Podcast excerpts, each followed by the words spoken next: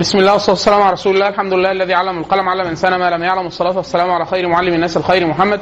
وبعد.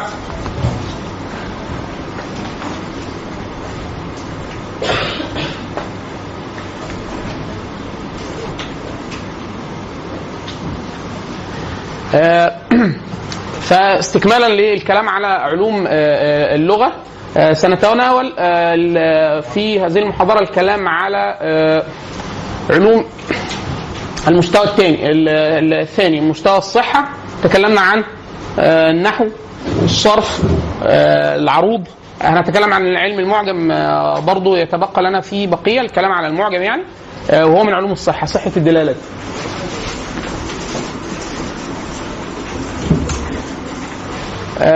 سوف نت- نتناول بالحديث علوم علوم التعرف على الجميل وهي علوم البلاغة الثلاثة علوم علم ال- البيان وعلم المعاني وعلم البديع. آه، تعتبر علوم البلاغة هي تطور تطور ال- ال- ال- الطبيعي لاستكمال أو تعميق البحث في علوم الصحة. فعند التدقيق عند التدقيق علوم البلاغة علوم اللغة هي بمجاز العلم الواحد. يعني إيه؟ يعني ما فيش فصل كده معتسف ما بين كلام صحيح وكلام جميل. هو المفروض المفروض لو أنا بكلم بعلمك لغة عربية في عشان في الآخر آه، يعني آه، تتقن مستويات آه، أداء اللغة الأربعة اللي هم الاستماع والتحدث والكتابة والقراءة في أي لغة من اللغات. فأنا في الأصل بحاول أدلك على الاستعمال الصحيح والجميل في نفس الوقت. مش مجرد كلام صحيح وغير جميل أو كلام آه، يبدو جميلا على أذن السامع أو في أذن السامع وهو غير صحيح. خلاص؟ فلكن التقسيم ده تقسيم مدرسي. يعني إيه تقسيم مدرسي؟ مجرد بس إحنا عشان في مقام الدراسة فبنقول لك والله ده اسمه علم كذا وده علم كذا بيتناول هذه ال- ال- الأبحاث بالتعميق أو الدراسة لكن في الأصل هم حاجة واحدة. بل آه، علم ال- الكلام على علم مثلا علم المعاني آه، عند النشأة هو في الأصل جاء في كلام آه، يعتبر مؤسس علم البلاغة أو المؤسس المؤسس آه، آه، الثاني لعلم البلاغة اللي هو عبد القادر عبد القاهر الجرجاني آه، كان تحت لفظة معاني النحو. اللي هو صار علم بعد ذلك على علم المعاني. لكن هو في الأصل كان بيتكلم عن معاني النحو أو بيسموه النحو العالي. فممكن لك لك أن تسمي البلاغة النحو العالي. يعني إحنا بنتجاوز أو علم مبحث المعاني بالأخص في البلاغة بالنحو العالي. يعني المستوى الأعلى في الدراسة النحوية. في ناس بيقولوا لا ده هو البلاغة كلها كلها داخلة جوه النحو. والنحو في شكله الأول آه، كان متضمن كل هذه المباحث بل كل مباحث البلاغة متاخدة من كلام سيبويه. طيب عند الكلام على المبادئ العشرة لعلوم البلاغة إحنا بنتكلم على ثلاث مسارات للبلاغة، ما بنتكلمش عن علم واحد، بنتكلم عن علم المعاني أو معاني النحو وعلم البيان وعلم ال- آه، البديع. دول الثلاث إيه؟ الثلاث علوم الفرعية لاسم كبير اسمه علم البلاغة، في ناس بيحلوا ليها تسمية علم البلاغة بعلم البيان. بجزء من جزء من مباحثه. بل بيقولوا الأصح والأفصح والأقرب للمعنى البلاغة اللي الناس بتستخدمه إن هو يكون اسمه علم البيان. لكن لو حد قال كده هيلت- هيلتبس أو هيلتبس مع الناس تسمية العلم بجزء منه. فخلينا على التسمية المشهورة أو الأشيع. زي علم ال- ال- العلم كله اسمه البلاغ ال- البلاغة والأقسام المعاني بيان بديع. طيب بالتعريف حد كل علم من هذه العلوم. علم البيان أو خلينا في علم المعاني اللي هو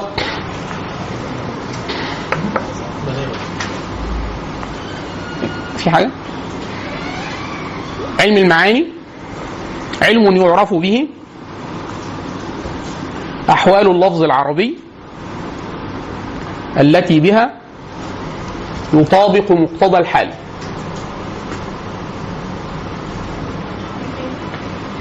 علم يعرف به أحوال اللفظ العربي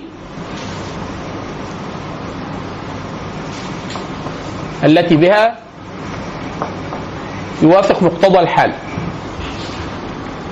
أو يطابق بها مقتضى الحال. يعني إيه؟ أنا بتكلم مع واحد مؤمن. أنا بتكلم مع واحد عايز يؤمن. أنا بتكلم مع واحد منكر. أنا بتكلم مع واحد منكر معاند. فلو أنا بكلمه عن ربنا علم المعاني بيقول لك إن الجملة اللي هتستخدمها في الدلالة على معنى مع الأربع أفراد دول في الغالب ممكن تركيبها يكون إيه؟ مختلف. فلو قلت مثلا آه الله خالق آه كل شيء فأنت بتتكلم إيه؟ لو ضفت لها مؤكد إن الله خالق كل شيء وهكذا كل إضافة هتحدد أنت بتعمل إيه؟ المعنى اللي أنت بتقوله والحال اللي أنت بتقوله فيه. فلو الحال ده حال معاند أو ملحد أو مؤمن أو شاك أو مؤمن يطلب يقين زائد تركيب الجمل اللي انت هتستخدمها هيبقى إيه؟ استخدام مختلف. خلاص كده؟ طيب. لو إحنا عايزين نقول إيه موضوعه موضوع العلم؟ بما انه من التسمية كده هو اسمه إحنا قلنا معاني يعني في الأصل كانت جت على لسان عبد القاهر بمعاني النحو. فهو بيتناول الموضوعات الآتية. الإسناد والمسند إليه وانواع الكلام سواء إنشاء أو خبر. رحمك الله.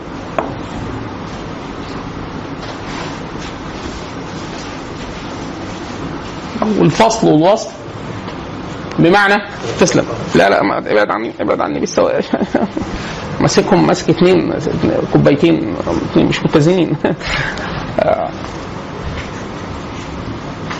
والفصل والوصف بمعنى ان انت لما بتيجي تتكلم وإحنا بنكتب أحيانا أو إحنا بنتكلم بيبقى محتاجين نفهم إيه علاقة الجملة الأولانية بالجملة الثانية فمبحث الفصل والوصف بيحاول جوه البلاغة يقول لك والله هو الجملتين دول هيتحط ما بينهم بينهم عاطف لأن دول معطوفين على بعض ولا دول من غير وكل واحدة فيهم بتأدي معنى للثانيه بتأكدها أو ولا الثانية دي ملهاش أي علاقة بالأولانية فده استئناف لمعنى آخر ولا وهكذا.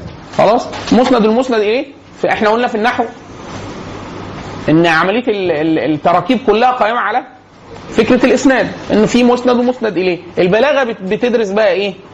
أحوال أحوال المسند والمسند إليه طبقا لمراعاة المعنى لمقتضى الحال.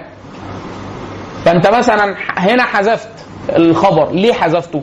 في النحو كان وظيفته إنه يقول لك إن التركيب الصحيح المفروض يشتمل على مسند ومسند إليه والمسند إليه هو المبتدأ. والمسند هو الخبر لو كانت الجملة اسمية. لو الجمله فعلية إحنا قلنا إيه؟ هيكون الفعل هو المسند يعني بمقام الخبر والمسند اليه هو الفاعل. خلاص كده؟ طيب فأنا قلت لك في التراكيب الصحيحه إن المفروض الجملة تحتوي على عمدتين والعمدة دي في حالة الجملة الاسمية مبتدأ وخبر دول العمدتين. وفي حالة الجملة الفعلية الفعل والفاعل. خلاص؟ في البلاغة يقول لك إيه؟ لو أنت حذفت الخبر يبقى دلالته كذا على المعنى. لو انت قدمت الخبر يبقى دي دلالته كذا. لو انت كل إيه الوظائف بتاعه التراكيب دي في الدلالة على المعنى اللي بيطابق مقتضى الحال خلاص كده؟ فده إيه؟ ده موضوع.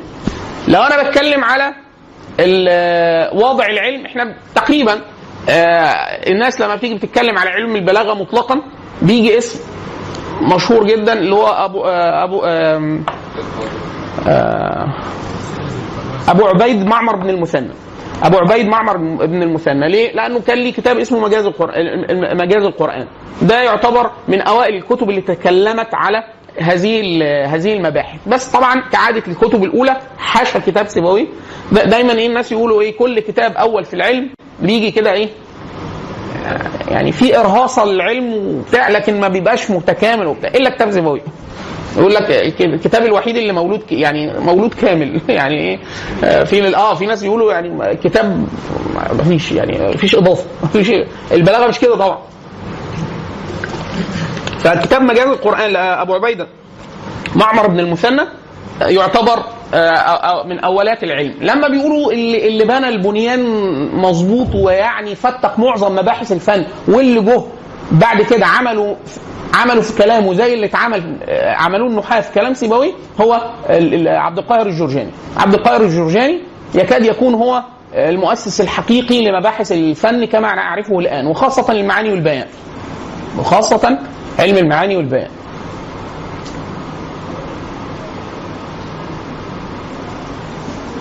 هنيجي بعد كده نتكلم على السنة السلم التعليمي يعني ممكن في, في, في, في الآخر شوية. آه، الثمره والفضل والشرف دايما بيبقوا متقاطعين لكن في ناس دايما بيقولوا إيه؟ إن في قدر من الإيمان بالله والكتب متعلق بعلم البلاغه ليه؟ لأني الآية الوحيدة للنبي صلى الله عليه وسلم الآية يعني إيه الوحيدة؟ يعني مش ال... يعني الآية الرئيسية أو الأساسية للنبي صلى الله عليه وسلم هي هي القرآن. فأنت عشان تتبين محل البيان أو الإعجاز بالقرآن يعوزك معرفة البلاغة. فجزء من معرفة مكمن الآية الرئيسية. عشان النبي عشان كده النبي صلى الله عليه وسلم بيقول آه يعني إيه آه ما من نبي آه ارسله الله إلا وله آية على مثلها أمن الناس. وإنما كان ال- الذي أوتيته وحيا.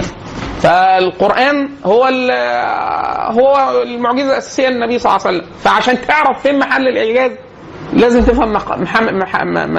علوم البلاغة اللي بتقول لك مزية هذا الكلام عن كلام سائر الناس. ففي ناس يعني يقول لك في جزء معين لكن دراسة العلم بعامة آه هي حاجة شريفة جدا وتقربك من الله عز وجل عن طريق فهم البيان القرآني والتأثر به على المعنى المراد من قبل كلام ال- ال- ال- الذي يفهمه العربي من لساني فده من ناحية الشرف والفضل والثمره في ثمرتين. ثمرة شرعية اللي هو إن أنت هتفهم الكتاب والسنة فهم آه، صحيح عالي. مع الجزء الدنيوي آه لا يعني مفيد جدا. مفيد من ناحية الإبانة عن المعنى آه مفيد من ناحية الفلوس. يعني هيجيب لك فلوس أكتر. آه فدايما آه علماء اللغة المعاصرين آه كنا أحلنا على الكتاب ده يمكن أشرنا عليه اللي هو كتاب قوة الذكاء الكلامي بتاع توني بوزن. إن لو إن الناس اللي اللي خدت خدوا كورسات لغوية إضافية في التدريب على الإدارة والعمل والتدرب على فرق الع- العمل آه، لقوهم بياخدوا مناصب بنسبة 25% إضافية على ما خدوش كورسات لغوية. ليه؟ لأن أنت بتبقى وأنت شغال في حد يقول لك أنا أحب أشتغل مع فلان. قوي ليه؟ يقول لك بيبقى بيعرف يفهمني هو عايز إيه. ولما أقول له الحاجة ما بكررهاش. بيفهم أنا عايز إيه. خلاص؟ ولما بيكتب حاجة بيوصفها توصيف كويس جدا. ولما بيكتب حاجة لحد بيقول له اللي هو عايزه بالظبط. كل دي ملكات لغوية. ملكات لغوية. عشان كده الناس حاليا بيسموها ال soft skills منها إيه؟ منها التواصل.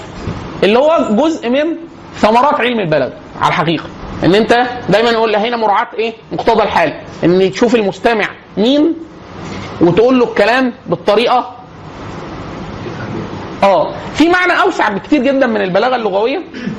آه، مش الفصاحة طبقا لسنن العرب في كلامها. مطلق الإبانة.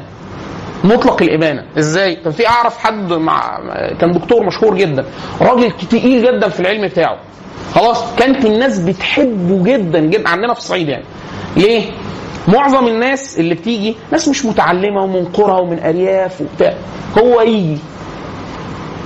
مش يكتب الروشتة ويقول له إيه ده اسمه كذا وتاخده مرة قبل العصر ومره بقى. لا يمسك العلبة. يقول لا شايف شايف العلبة البرتقال؟ ال- ال- ال- ال- الحمراء الصفراء الزرقاء آه دي تاخديها قبل الأكل ده.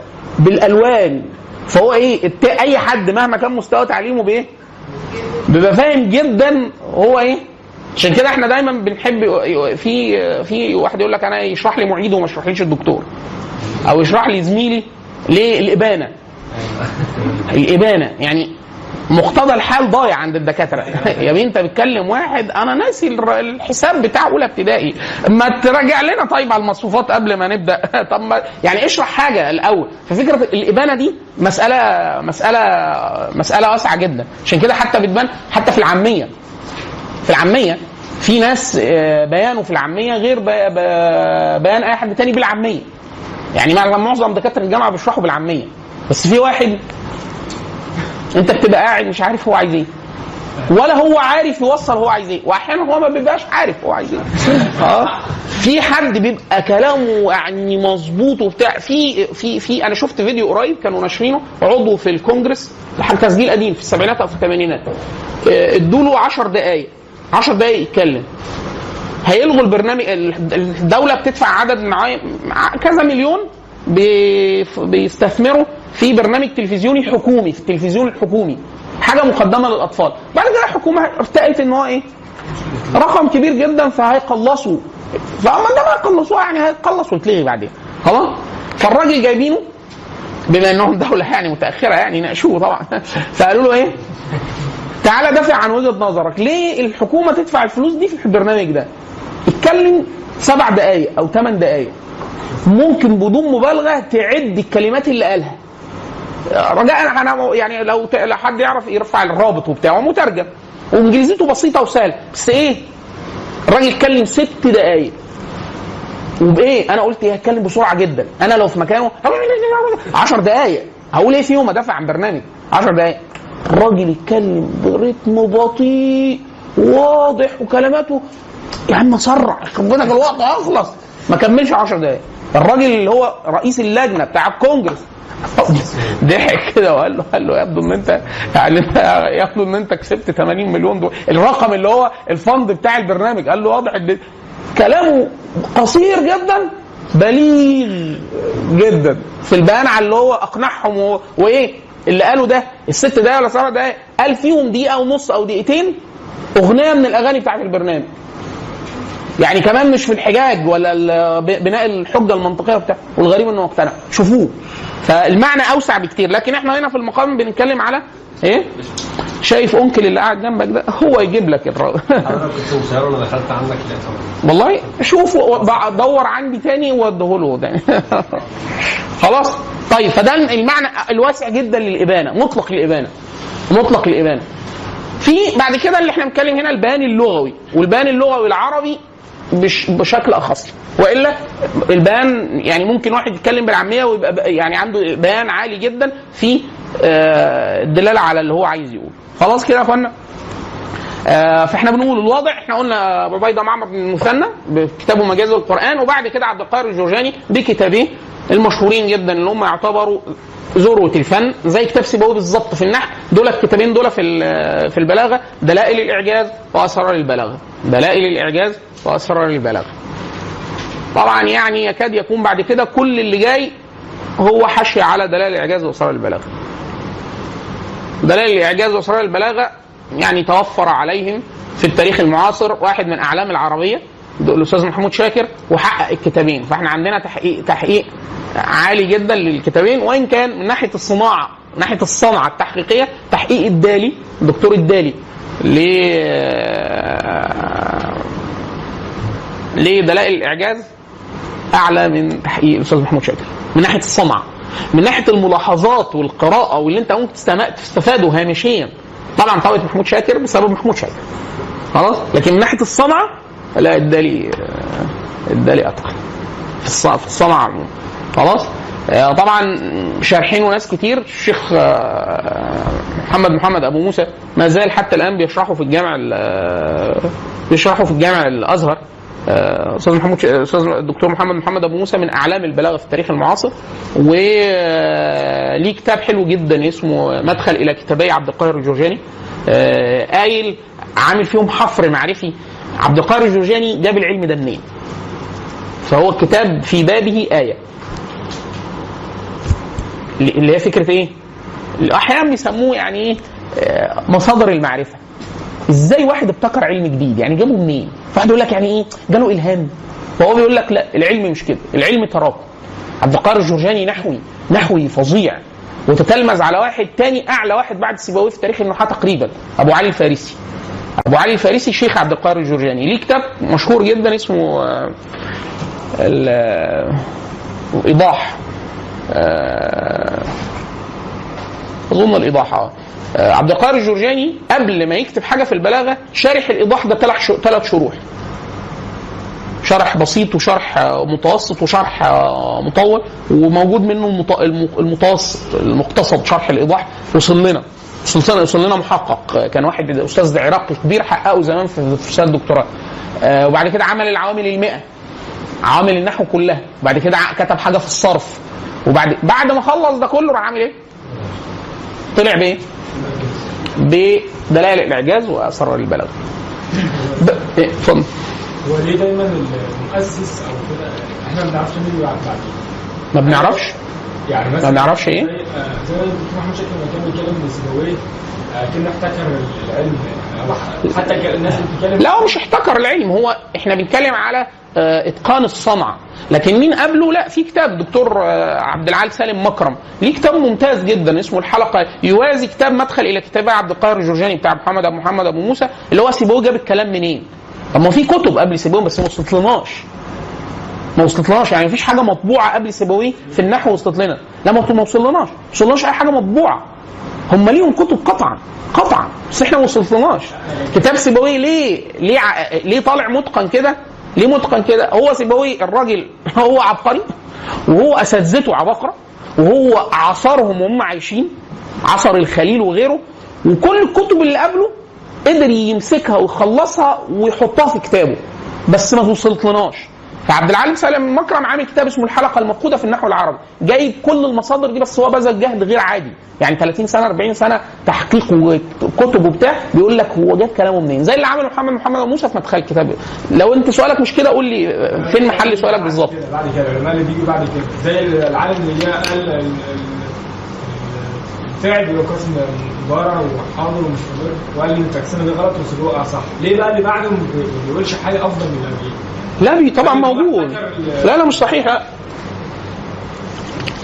بص يا مولانا العالم الإسلامي في تاريخه آه تاريخه كان عامل كده اهو. يعني إيه؟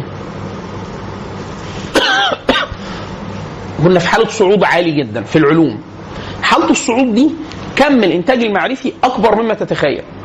أكبر مما تتخيل. يعني مثلا واحد زي سيبويه قبله وبعده أثناءه ناس ضخمة جدا جدا. وملاحظات ونظرات مختلفة عنه وناس صنفت بعد كده بطريقة مختلفة خالص وبتاع. كل ده موجود. خلاص؟ بعد كده بيحصل حالة استقرار و آه، تشقيق للي يعني اللي موجود ده زي مثلا في المثال على البلاغة. عبد القاهر الجرجاني جه حد بعده. مين؟ السكاكي. السكاكي عمل كتاب اسمه مفتاح العلوم.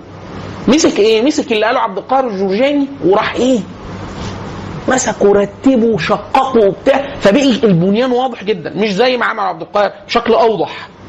زي مع النحو سيبويه. سيبويه كلامه مك- مكثف جدا جوه الكتاب. الناس قعدت تفرع فيه تفرع تفرع خلاص؟ في ناس فرعت وأضافت في ناس فرعت وأضافت ورفضت. خلاص؟ بعد كده حصل مرحلة اللي إحنا دايما بنسميهم المتاخرين بيحصل إيه؟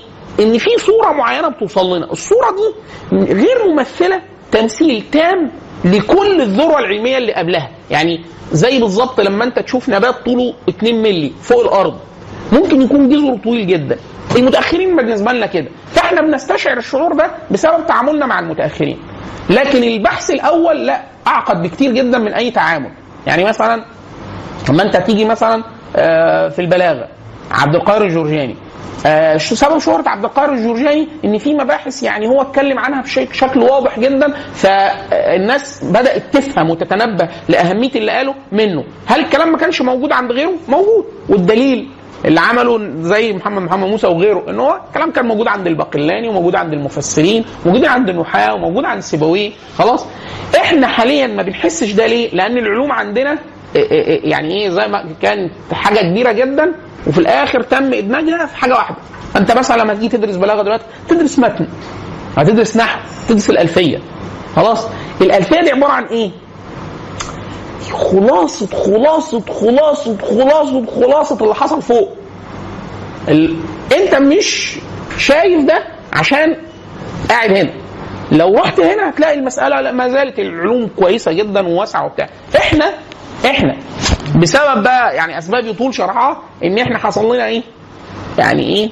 آه وكأنه قطيعة مع الجانب الثري في التراث لكن هو موجود. موجود وهنا في ناس بتشتغل بيه وبتعمل تطلع منه شغل كويس جدا. العكس يعني بتبقى زي الفيزياء. ده في البداية كانت بسيطه بعد كده بتنزل تعقيد أنا أنا شايفها العكس إن هي بتبقى في فوق معقدة بتيجي تحت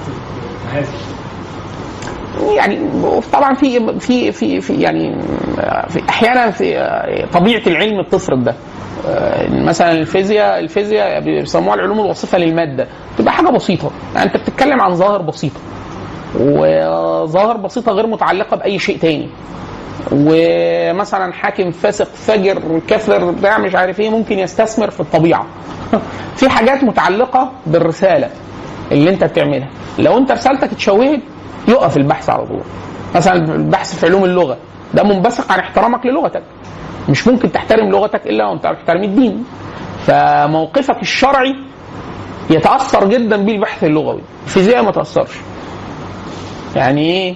يعني مثلا اليابانيين وثنيين الصينيين ما تعرف لهمش مله الهنود بيعبدوا بقر مش عارف إيه. ما بيتأثرش. ده بيبحث فيزياء وده بيبحث فيزياء وده بيبحث فيزياء خلاص؟ البحث اللغوي لا يفرق. يفرق قوي قوي. عشان كده مثلا تلاقي إيه الدول دي مش متقدمة في ال- في التقنية لغتها مش منتشرة. الأمريكان متقدمين في التقنية ولغتها منتشرة. لا في حاجة في حاجة وهكذا. فالعلوم اللغوية ليها خصيصة. آه، بقية العلوم تشترك معاه في حاجة. يعني إحنا مثلا حتى البحث الفيزيائي اتأثر جدا آه، باللي حصل في العالم الإسلامي في العموم. لكن إحنا قعدنا لفترة طويلة جدا فتره قريبة أكتر مما تتخيل. آه، يعني مثلا الدولة الأندلس. لغاية ما هم بينهاروا أعظم علوم تقنية موجودة في العالم كانت عندهم. تسلم ربنا يبارك فيك. سقعنا؟ إيه ده؟ وصلتوا السعوديه إزاي؟ آه، ممكن حد يسخنه. آه. إحنا في مكان تصوير قريب؟ في هنا بس لا في هنا بس لو معاك soft copy والله ده حاجة كويسة. إيه.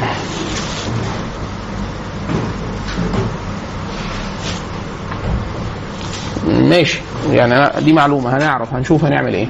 آه، حد بيعرف يتعامل مع البتاع ده؟ خلاص كده؟ طيب ال- في ناس قاعد مننا. لا لا اطفي وشغل المروحه طيب شغل مروحه حلوة يا أخوانا والله. مروحه أنا يعني اختراع لطيف جدا. صديق للبيئه آه. اتفضل أنا أعتقد بس حاجة في النقطه الثانية ان هو هو ليه العلم ما بيتطورش؟ ما بي طب ما هو ده اللي كنت برد عليه بقول له لا هو هو أنتج فيه إنتاج ضخم جدا بس إحنا حصل حاجة فالجانب الحتة الثرية اللي هي ممكن يتضاف عليها إحنا بيننا وبينها عازل، العازل ده يمكن رفعه ورفعه بسهولة على برضه هدفنا في العلوم ده إن إحنا نرجع للأصل. امم في ف... لا في ناس بتفهم كده. آه يعني لا مش إحنا عايزين نوصل نر- نفهم الاصل اللغة العربية إحنا ذروه هدفنا إن إحنا نتكلم زي ما كانوا بيتكلموا. آه آه ماشي ده ده علم معياري فده هدفنا. أيوه ده علم معياري العلوم الطبيعيه تقدم لا ما هو ماشي. كلامك كان في قدر من الوجاهة. لا هو برضه إخواننا كويس إن هم أثروا النقطة دي. هو إحنا مش يعني مش الهدف الوحيد فقط الوصول للنسخه الأصلية العربية الاصيله يعني ان أنا حاليا في علوم البلاغة ان أنا افهم العربي كان بيعمل إيه؟ ده حاجة. بيقول إيه؟ عشان عشان أفهم القرآن والسنة وبتاع فده دي ده ده الأهمية الشرعية. في هدف تاني. في اهداف تانية. يعني اللغة دي بتجيب فلوس اللغة دي آه، بتعمل سياسة اللغة دي بتعمل آه، تقدم تقني اللغة دي أغنى شركات في العالم حاليا هي اللي بتتعامل مع اللغة. فاللغة دي أصلا منتج حضاري زي بالظبط آه، مثلا صناعة المعجم. إحنا طول عمرنا الحضارة العربية بتنتج معاجم. ده جزء من الصناعة الحضارية. من الصناعة الحضارية. خلاص النساخة والكتاب يعني يعني اللغة مش جانب واحد. اللي, اللي سأل السؤال ده يجي يحضر معاه دورة الوعي اللغوي في الموسم الجاي. يعني إيه؟ اللي هي إيه؟ اللغة دي بتعمل بيها إيه؟ في كتاب لو حد عايز يفهم الفكرة شكلها إيه؟ في كتاب اسمه المال والكلمات. المال والكلمات. تعال واحد فرنسي. مش فاكر اسم المؤلف والله. مترجم للعربية هو بس مترجم عن الفرنسية. وكتاب تاني اسمه اللغة والاقتصاد. اللغة بتجيب فلوس إزاي جو الاقتصاد ده برضه مش عربي أكيد لا مش مت... آه مترجم عالم معرفة الكويت الاثنين ولا؟ واحد؟ شوف ده وده. طبعا المال والكلمات أق... أقصر وأصغر وأدل على اللي إحنا بنقوله. اصل الاثنين عالم المعرفه لا لا. المال والكلمات طبعا دا- دار آه، حاجة open source كده يعني إيه آه، آه، حاجة إيه؟ لا لا مطبوع ورقي موجود بس هو دار مش يعني مش مشهورة قوي بس بظنك تعرف تلاقيه بسهولة. لو كتبت المال والكلمات على ال- على الإنترنت هيجيب لك اسم الكتاب تعرف منه اسم الدار يعني. لكن الشاهد إن اللغة دي بيتعمل بيها حاجات تانية بيتعمل بيها حاجات تانية. اللغة اداه من اداه هيمنة الس- الس- السياسيه يعني الدول بتعرف باللغة جزء من تعريف الدول لنفسها اللغة. بل في بعض الناس السياسيين بيعرفوا الدول بأن هي هي الدولة هي لغة قومية في حماية قوى مسلحه ده تعريف الدولة عندهم. آه، يعني يعني إيه دولة؟ يعني لغة قومية في حماية قوى مسلحه أول ما هذه القوى بتضعف القوى المسلحه بتضعف الدولة دي بتستعمر. فبيتم تغيير لغتها. عشان كده أي دولة لغتها متغيرة حتى لو هي مستقلة ظاهريا فهي دولة مستعمرة. ليه؟ لأن إرادتك السياسية بتتجلى في هويتك. فأنت لما أنت أصلا مغير هويتك لوحدك من غير ما حد يضربك على قفاك. يبقى أنت مضروب على قفاك. يعني واضح إن أنت مضروب من جواك على قفاك. خلاص؟ مضروب على قفاك إحنا كلنا كمجتمع يعني. ممكن توصفنا كده. مم. أنا كنت واللي منعنا عن كده إن في عازل. العازل ده يمكن؟ العوازل ده العوازل العوازل دي عوامل مختلفة. اللي هو إيه؟ جزء منها إن واحد يسلك الطريق. عارف عامل زي إيه؟ حاليا. لو واحد عايز يحترف الكورة كرة القدم ويوصل لمستوى احترافي يعمل إيه؟ لا. إحنا عايزين نموذج مجرد.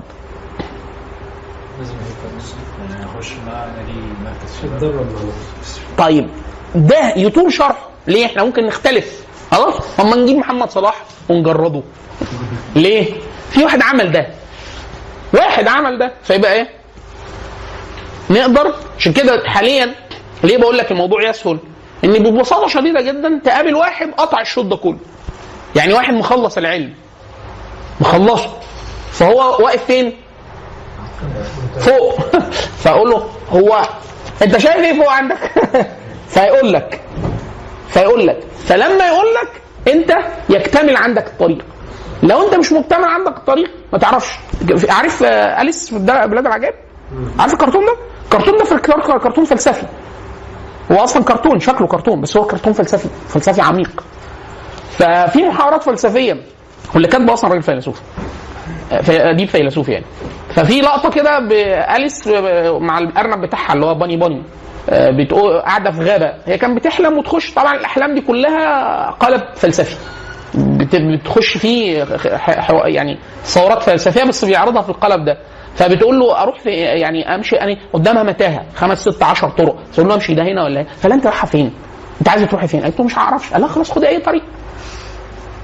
تمام؟ هو انت أنا لو عارف أنا رايح فين مين اللي هيقول لي ده؟ يعني إحنا مرة من كام أسبوع كام أسبوع جبنا الشيخ آه، فوزي كوناتي بتاع كوت ديفوار. الشيخ أحسن والله حسيبه متقن جدا للعلوم هو غير عربي. خلاص؟ غير عربي نشأ يعني وإن كان هو عربي طبعا يعني عربي العربية اللسان يعني. فهو في المحاضرة في آخر المحاضرة الناس قالوا له إحنا يعني إزاي ندرس دراسة معمقة ومتخصصه فهو قال أنا هقول سلم تعليمي للنحو. من أول صفر لأن أنت تبقى قادر إن أنت تشرح كتاب سيبويه شوف.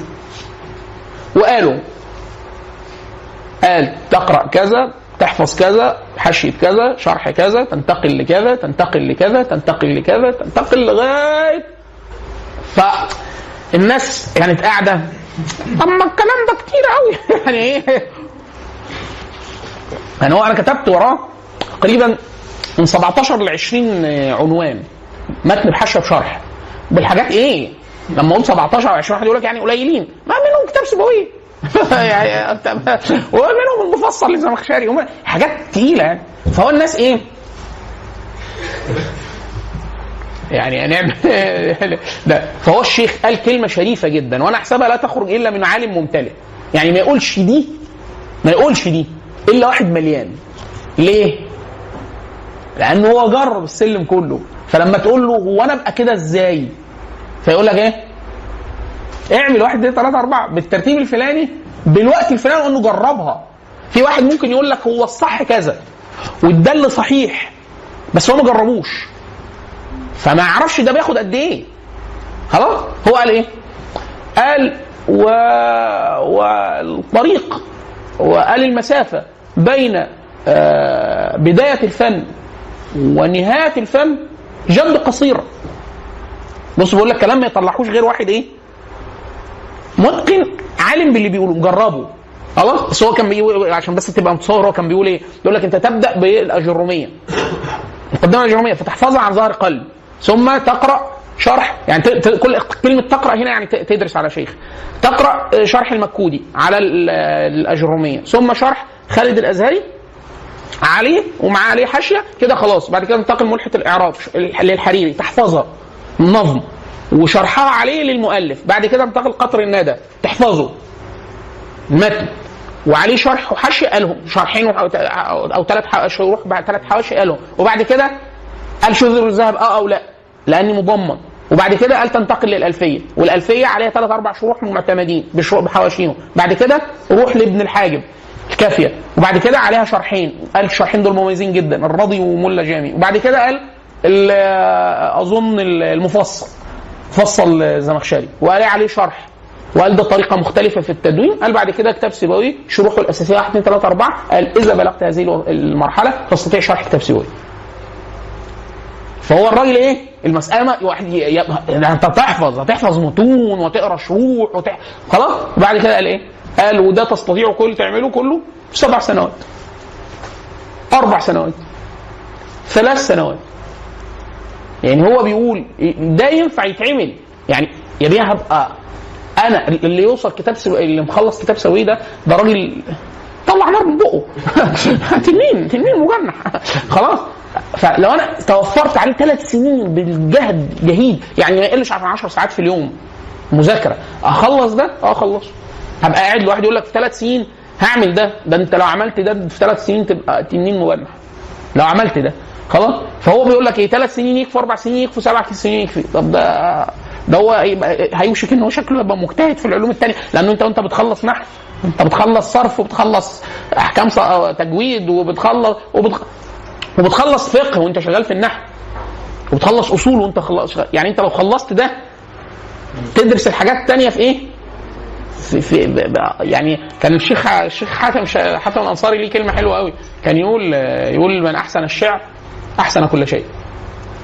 فاللي يحسن علوم العربية يحسن أي شيء. أي شيء. وده اللي بيقوله توني بوزن في في قوة الذكاء الكلامي. إن قوة الذكاء الكلامي هي مؤهلة لحاجات كتير تانية. تانية حتى في فهم الع- العلوم المجردة حتى الفيزياء حتى الهندسة حتى الرياضيات لو انت قوي في اللغة تدرس أي حاجة في ربع وقتها في عشر وقتها إيه السبب؟ ملكة البيان. خلاص؟ وهكذا. فال إيه؟ حتى لو كان بلغة ثانية هو مطلقا مطلقا قدرة الفهم ملهاش دعوة باللغة بعينها. يعني أنا أنا لو قدرتي البيانية في العربي عاليه خلاص؟ وأنا اتعلمت إنجليزي فهمي في المواد اللي هتشرح لي في الهندسة بالانجليزي أحسن من اللي أضعف مني بالعربي في العربي. شوف. خلاص الكلام ده يعني مش بقوله كده دفع بالصدر يعني لا ده كلام لو عايز تقرأ حاجة متينة في ده كتب الذكاء الكلامي بتاع توني بوزن. طبعا في كتب أكثر عمقا بس حاجة درس حاجة متخصصة يعني. اللي بيسموها تحت مسمى اللغة والإدراك عموما. في كذا كتاب مكتوب بالاسم ده. اللي هو إيه؟ هي اللغة بتعمل إيه في الدماغ؟ اللغة يا إخوانا هي من معايير ومحكات القدرة العقلية العامة. كل ما بتستثمر في لغتك الأم كل ما قدرتك العقلية العامة بتزيد. العامة. فواحد يقول لك يعني طب أنا هدرس الكلام ده بالالماني هتبقى قدرتك على فهمه أحسن من اللي أضعف منك بالعربي. يعني يعني اللي علمه إحنا الاثنين بالألماني والمصحف هتبقى إيه السبب؟ إن قدرتك اللغوية مطلقا أعلى منه. خلاص؟ طبعا بعد كده لو أنت استثمرت في الألمانية هتبقى أحسن من اللي أضعف منك بالعربي في الألمانية. ليه؟ في ترند مشهور جدا اسمه فلوينز طريقة تعليم اللغة بنت أمريكية شاطرة بتعلم صيني وبتعلم فرنسي. هي بتعلم في الأصل فرنسي وحاجة تانية. فرنسي وصيني وهي أمريكية. خلاص بعد كده صار آه، علامة تجارية فبقي Fluenz ده في منه Fluenz Fluenz برتغالي ولغات تانية حاجات كتير جدا. خلاص معتمد على إيه؟ بتعلمك اللغة الأجنبية على لغتك أنت على قواعد لغتك. فأنت هاب إن أنا قلت لك إيه؟ آه بص هو في في اليابانية كذا هو ضمير الشأن أو هو المسند أو المسند إليه. فأنت لو مش فاهم نحو عندك في العربي مش هتفهم أنا بقول إيه. لو أنت فاهم كويس هقول لك الإنجليزية تختلف عن العربية إن أقسام الكلام فيها 8 مش 3 فتقول لي لا عظم الكلام جاب اخترعوا جزء منين ده؟ يا يا فعل حرف ب مفيش تاني. فأقول لك آه وهم فرعوا من الاسم كذا وكذا وفرعوا من الفعل كذا وكذا وف... الجمل عندهم إحنا عندنا جملة كبرى وجملة صغرى وج... إيه دي؟ فين دي؟ ما تخليها خدناش في الكلاس دي. اللي هي إيه إيه الجمل دي؟ أنواع الجمل. لو أنت ما تعرفش أنواع الجمل عندنا في العربية مش هتقدر تستوعب يعني إيه جملة مركبة في الإنجليزية. يعني إيه عبارة؟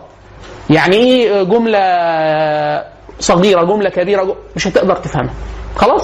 فأنت تستثمر بمعرفتك للغتك في القدرة العقلية العامة والقدرة اللغوية العامة بشكل خاص. فأنت لو قوي قوي في العربي تتعلم أي لغة تانية أسرع من أي حد تاني. خلاص؟ حتى حتى على المستوى الصوتي. يعني الناس اللي بيبقى متقن مخارج العربية بيتعلم مخارج أي حاجة تانية بسهولة. ليه؟ المكن الصوتي عنده اللهم صل على النبي. أنا أعرف ناس من زمايلنا مثلا بيقرأوا بالعشر قراءات قراءات مليانة إيميلات. غير اللهجه اللي إحنا بننطق اللي إحنا إحنا بنقرأ بحفص عن عاصم ففي ملكات تانية لغوية فتخليك تعرف تتعلم عبر كل اللغة اللي فيها إيميلات. زي الفرنسية. لا مؤاخذة. كده. ال- فيها إيميلات كتير. الأصوات دي مش موجودة في اللهجة بتاعت القراءة العامة اللي إحنا بنقرأها في مصر. المغاربة مثلا بيقروا بيقروا برش تلاقوا المغاربة والتوانسة وبتاع كل اللغات اللي فيها إيميلات آه، بيتعلموها بسهوله جدا. في ناس بيقول لك عشان الاستعمار. لا هو الاستعمار وأمور أخرى. منها الاستعداد للملكه إن هو مخارج الأصوات عنده أحسن مننا من المشارق. لأن إحنا بن- بنقرأ بحفص. حفص سبب شيوعها بس شيوعها شاعت متأخر في آخر 500 سنة. إيه السبب؟ انها سهلة جدا جدا. المصحف كله ما فيهوش غير إمالتين موضوعين إمالة. المصحف كله ما فيهوش كذا. المصحف اللي هو الكلام واضح. أنت عشان تحفظ القرآن هو هو. لو أنت خاتم بورش صعوبة. صعوبة والله. يعني في ناس تانية مثلا تحفظ بابن كثير وابن عامر تحس القرآن تاني. ليه؟ من كتر الاختلاف الصوتي. فتحس إن أنت مسألة مجهدة. حتى ترتيب القراءات إحنا لما في القراءات بنرتبهم يقول لك ده أقرب واحد لينا. لمين؟ لينا؟ لحفظ. لما سألت واحد مغربي يقول لك يا حمزة سهل جدا. خد تعالى. مين اللي مين اللي سهل؟ هو بيقرأ بورش. خلاص هو في الأصل بيقرأ بورش. فهو بالنسبة له إيه؟ المسألة قريبة جدا من ورش. إحنا أي حاجة بعيدة عن حفص. يعني اللي قريب مثلا مننا الكسائي بتاع مش عارف إيه. أول ما نروح ناحية التانيين لا الأحكام الصوتية تبعد نرجع تاني. فالترتيب إحنا قلنا أبو عب- أبو عبيدة معمر بن مثنى بعد كده دلائل الاعجاز وأسرار البلاغة بعد كده شراح بقى. شراح ومرتبين كتب عبد القاهر. مين؟ السكاكي مفتاح العلوم. طبعا السكاكي بعد كده إحنا هننسى عبد القاهر. هننسى عبد القاهر خلاص. السكاكي مفتاح العلوم جه واحد اسمه القزوين. عمل تلخيص المفتاح. التلخيص. بعد كده مفيش حاجة في البلاغة إلا وهي شروح التلخيص. أي حد بيتكلم هو شروح التلخيص. إيه هي بقى شروح التلخيص؟ جدا التفتزاني السكي الم... خمس. عشان كده التلخيص التلخيص اللي هو تلخيص مين؟ القزوين. تلخيص إيه؟ المفتاح اللي هو إيه؟ بتاع دلال الإعجاز. هو دلال الإعجاز السكاكي خد كل اللي قاله عبد القاهر ونظمه ورتبه. وأضاف ليه صنعة منطقية وبتاع وبقي مبحث جاف وما فيهوش المرونة والليونة اللي كانت عند القاهر. بس بقي مرتب وواضح آه، واضح يعني من ناحية التشقيق الصنعه يعني. خلاص؟ جه القزويني قال لك إيه؟ شرط هو هو لخصه وشرحه. يعني هو التلخيص القزويني عمل تلخيص المفتاح بعد كده الإيضاح شرح التلخيص. يعني شرح نفسه. خلاص؟ بعد كده عمل إيه؟ الع- العلماء كل الناس بقى جاية تعمل إيه؟ تلخص آه، تشرح الايه؟ التلخيص. فعشان كده بيطبع مع بعض كده. حاجة اسمها شروح التلخيص. أربع أو خمس شروح. وبعد كده في ناس قال لك إيه؟ لا صعب التلخيص ده. ليه؟ نثر انظمه لك ما يجي مثلا الامام السيوطي عقود الجمال. هيجي يعمل إيه؟ يمسك التلخيص ويروح نظمه. يعمله نظم. خلاص؟ آه اللب المصون. الدمنهوري يجي يعمل إيه؟ يروح ماسكه وصايغه فين؟ الاخضر عذرا. إحنا هنروح عامله إيه؟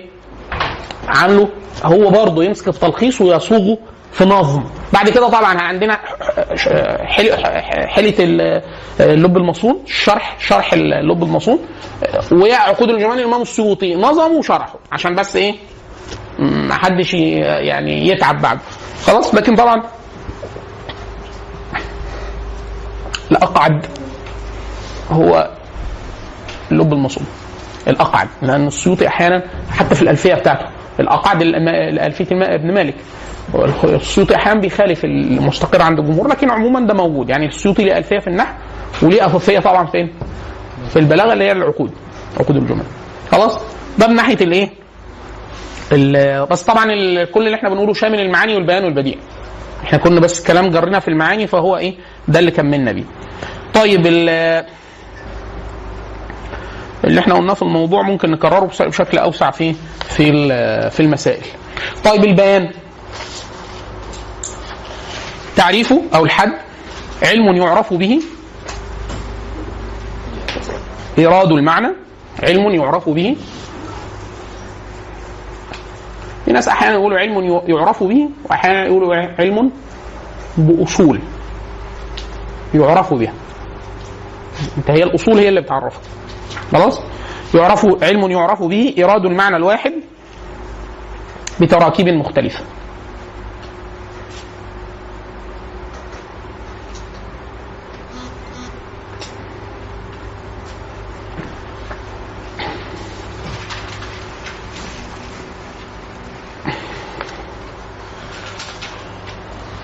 موضوع الألفاظ العربية من حيث إمكان التعبير عنها بأكثر من طريقة الألفاظ العربية. إحنا أنتوا عارفين إن في جيل من الأجيال هيجي بعد كده ما بيكتبش. السبب إنه في حاليا دلوقتي خدمات ال... ده جزء من الهن... اللغة بقى اللي إحنا بنسميها هندسة اللغة. إن هو إن هو إن أنت بت... بتتكلم هو يكتب. يكتب اللي أنت بتقوله. لو اتكلمت بالفصحى يكتب بالفصحى. في حاجة لطيفة جدا. تتكلم بالعامية يكتب بالفصحى. شوف. إيه؟ ما دي شغلانتنا إحنا. ما ده إحنا بناكل عيش من كده فن حاجة بيسموها TTS اللي هو text to speech أو آه، العكس ST اللي هو speech to text إن هو كلام لنص. العكس نص لكلام. فإحنا إحنا بنتكلم هو بياخد قواعد إزاي يكتب اللي اتقال. بعد كده بيخش معالج نحوي ياخد العامي يحوله لفصحى فلما يلاقي كلمة مش يعرف إن ده النفي في الفصحى لما يعرف وهكذا. خلاص؟ والدليل إن إحنا بنفهم ده. يعني أنت حاليا بتفهمي اللي أنا بقوله وأنا بتكلم بالعامية. فلو أنا كتم- كلمت بالفصحى أنت في الغالب بتحوليه بالعامية. عشان كده الناس بتفهم بتفهم خطبة الجمعة ومعظم أحاديث النبي المعنى العام. بيفهموا بالعامية. لو قلت له أنت فهمته؟ آه طب قوله. بالفصحى. يعرف طب قول اللي فهمته بالفصحى ما يعرف بس هو عنده إيه؟ converter بس هو ال converter بيحول بس باظ. يعني هو بيحول بس ما بيعرفش ينتج الإيه؟ عشان كده دايما يقول لك إحنا عندنا إيه؟ قدرة على فهم الفصحى. دون القدرة على إنتاج الفصحى. فلو واحد كلمك بفصحى بتبقى لما بت- لما بتتفرج على مسلسل باللغة العربية فصحى تقريبا بتبقى فاهم معظم الكلام المعنى العام. المعنى الإجمالي. لكن هي دي بالظبط يعني إيه. لو اتسألت على كل كلمة في الغالب هتقول معنى غلط خالص. المعنى الصحيح هو المعنى العام اللي وصل لك بالفعل بسبب الملكه العامه زي مسلسلات. لا بس مسلسلات الكرتون بتبقى لغتها بسيطة قصيرة. اللي أنا بتكلم عن المسلسلات التاريخية. فيها كلام عالي. إحنا هنشوف في القصيدة لما نيجي نشتغل قصيده أقول لك إيه المعنى العام؟ تقول لي والله شكله بيقول كذا. يطلع صح. كل كلمة لما تمسكها وتقارن كلامك على المعجم يطلع غلط خالص. حتى الكلام اللي الكلمات اللي تبدو سهلة تطلع حاجة تانية خالص. فلكن هي الملكة العامة شوف يا بيه هو شكله بيشتم. يعني شكله مبسوط شكله فرحان حاجة كده. طيب ال ال ما قيل في في البيان من ناحية الوضع يقال في المعاني. ما قيل في المعاني عذرا يقال في في البيان. الألفاظ العربية من حيث امكان التغي... من حيث إم- إمكان التعبير عنها بأكثر من طريقة. المسائل هم هم اللي إحنا قلناهم دول بس إيه؟ إيه بقى؟ لما أنا أدرس الألفاظ العربية هدرس إيه موضوعات بقى؟ هدرس اللي هي في في المسائل اللي هو الفهرس التفصيلي بقى للموضوع. هو المسائل يا اخوانا عبارة عن التفصيل للموضوع المسائل. خلاص؟ اللي هو الكناية والتشبيه والمجاز الكنايه والتشبيه والمجاز طبعا تحت المجاز استعاره بانواعها و- وغيرها الكناية والمجاز والتشبيه. أي التشبيه أنت سمعت صح؟ المجاز تحته بقى الاستعارات. ما هو الاستعارة. إيه مجاز المجاز يعني إيه مجاز يعني ولا يعني إيه استعارة؟ يعني المس- الاستعارات الاستعارات قسم من المجاز. أيوه إزاي؟ إزاي التشبيه؟ ما هو لا الاستعاره غير التشبيه بس هي قائمة على التشبيه فعلا بس إيه الفرق بين الاستعاره والتشبيه؟ هم زي بعض في المعنى العام هو يا إخوانا ما هو إحنا بنقول إيه؟ للدلاله على المعنى بطرق مختلفة فإحنا هو يعني إيه لو أنا قلت إيه قلت إيه؟ آه رأيت رجلا كالأسد يبقى ولو قلت وقلت رأيت اسدا في المعركة أو رأيت اسدا يخطب يخطب على المنبر فايه الفرق بين الجملة الأولى والجملة الثانية كال كالأسد ك ك دي أداة تشبيه. فلو جبت أداة التشبيه كده انقطع كل قول. ده تشبيه. خلاص كده؟ لو أنا قلت رأيت اسدا يخطب على المنبر. هو ما فيش أسد بيخطب على المنبر. وأنا عايز أقول خطيب زي الأسد. كالأسد. بس أنا قلت ك يتقطع لساني لو قلتها. خلاص يبقى تستعرض. خلاص؟ نوعها إيه بقى؟ دي ده ده بقى اللي هتدرسه جوه أنواع الاستعاره خلاص كده؟ ماشي المجاز المجاز إزاي يبقى تحت استعارة؟ ما المجاز بيبقى كلمه لكن الاستعاره ممكن تبقى. يعني نخ- خليها كده. خ... وإيه أنا مش فاهم إيه سبب الرفض. لا المجاز عموما إن إحنا بنستخدم بنستخدم الكلام في غير ما وضع له على الحقيقة. ده المجاز. فأنا بقول الكلمة دي في الحقيقة يطلق بها كذا. يعني مثلا يقال للبحر في الحقيقة للماء الواسع. عند من يقول بالمجاز؟ لأنه في ناس بتنازع بتقول ما فيش مجاز أصلا في العربي وفي القرآن. خلاص؟ لكن عند من يقول بالمجاز وده الجمهور. لأنه علم الكلام نشأ أصلا آباء الفن متكلمين. عبد القاهر الجرجاني أشعري الزمخشري معتزلي وهكذا. فالدرس البلاغي هو درس عقدي بامتياز. أو على الحقيقة نقلب اصدق الدرس العقدي المتأخر يعني. هو درس بلاغي ولغوي بامتياز. عشان كده دايما أنا أقول لأي حد بيجي يدرس عندنا هنا في المدرسة أو أي حد بيطلب علم في العموم أقول له ما تشتغلش ما تشغلش بالك بالعقيدة أو ما تدرسش عقيدة أصلا. ادرس إيمان ادرس تزكية. ليه؟ لأنه ادرس لغة الأول عشان تفهم هيقولوا لك إيه في العقيدة. لأنه هو الخلاف العقدي هو خلاف لغوي بنسبه 90% 90 لو عندك ط- لو هنيجي نتبسط هنقول 65% خلاص؟ والباقي خلاف منطقي فلسفي. لكن هو بالأساس خلاف لغوي. خلاص؟ فهو بي اللي بيقول بالوضع بيقول إيه؟ إن الألفاظ وضعت بإزاء معاني حقيقية في الأصل. فأنا قلت إيه؟ بحر لما شفت مية. فأنا قلت إن البحر دلالة هو ده لفظ بإزاء معنى أو آه لفظ بإزاء معنى. أو معنى بإزاء لفظ. ماشي. فأنا قلت إيه؟ إن البحر دلالة على المية الواسعة. بعد كده إيه؟ لو أنا تعاملت مع واحد فلقيته كريم جدا فأقول لك إيه؟ آه بحر بحر كرم. أو آه يعني لما عملته بالدرهم والدينار فإذا فإذا أنا ببحر. يعني عايز فواحد هنا الاستخدام البحر استخدام مجازي. ليه؟ لأنه هو مش ده المعنى الحقيقي. لكن واخد جزء من المعنى الحقيقي اللي هو إيه؟ الاتساع. بس اتساع بس. مش لازم يكون في مية. خلاص كده؟ وهكذا. فالاستعارة هي جزء من المجاز. اصل أنا الماجستير بتاعي في الاستعارة. مره في مدرسه قالت ان هو مفيش علاقه بين المجاز والاستعاره إحنا كنا أصلا درسنا إن هم أربعة.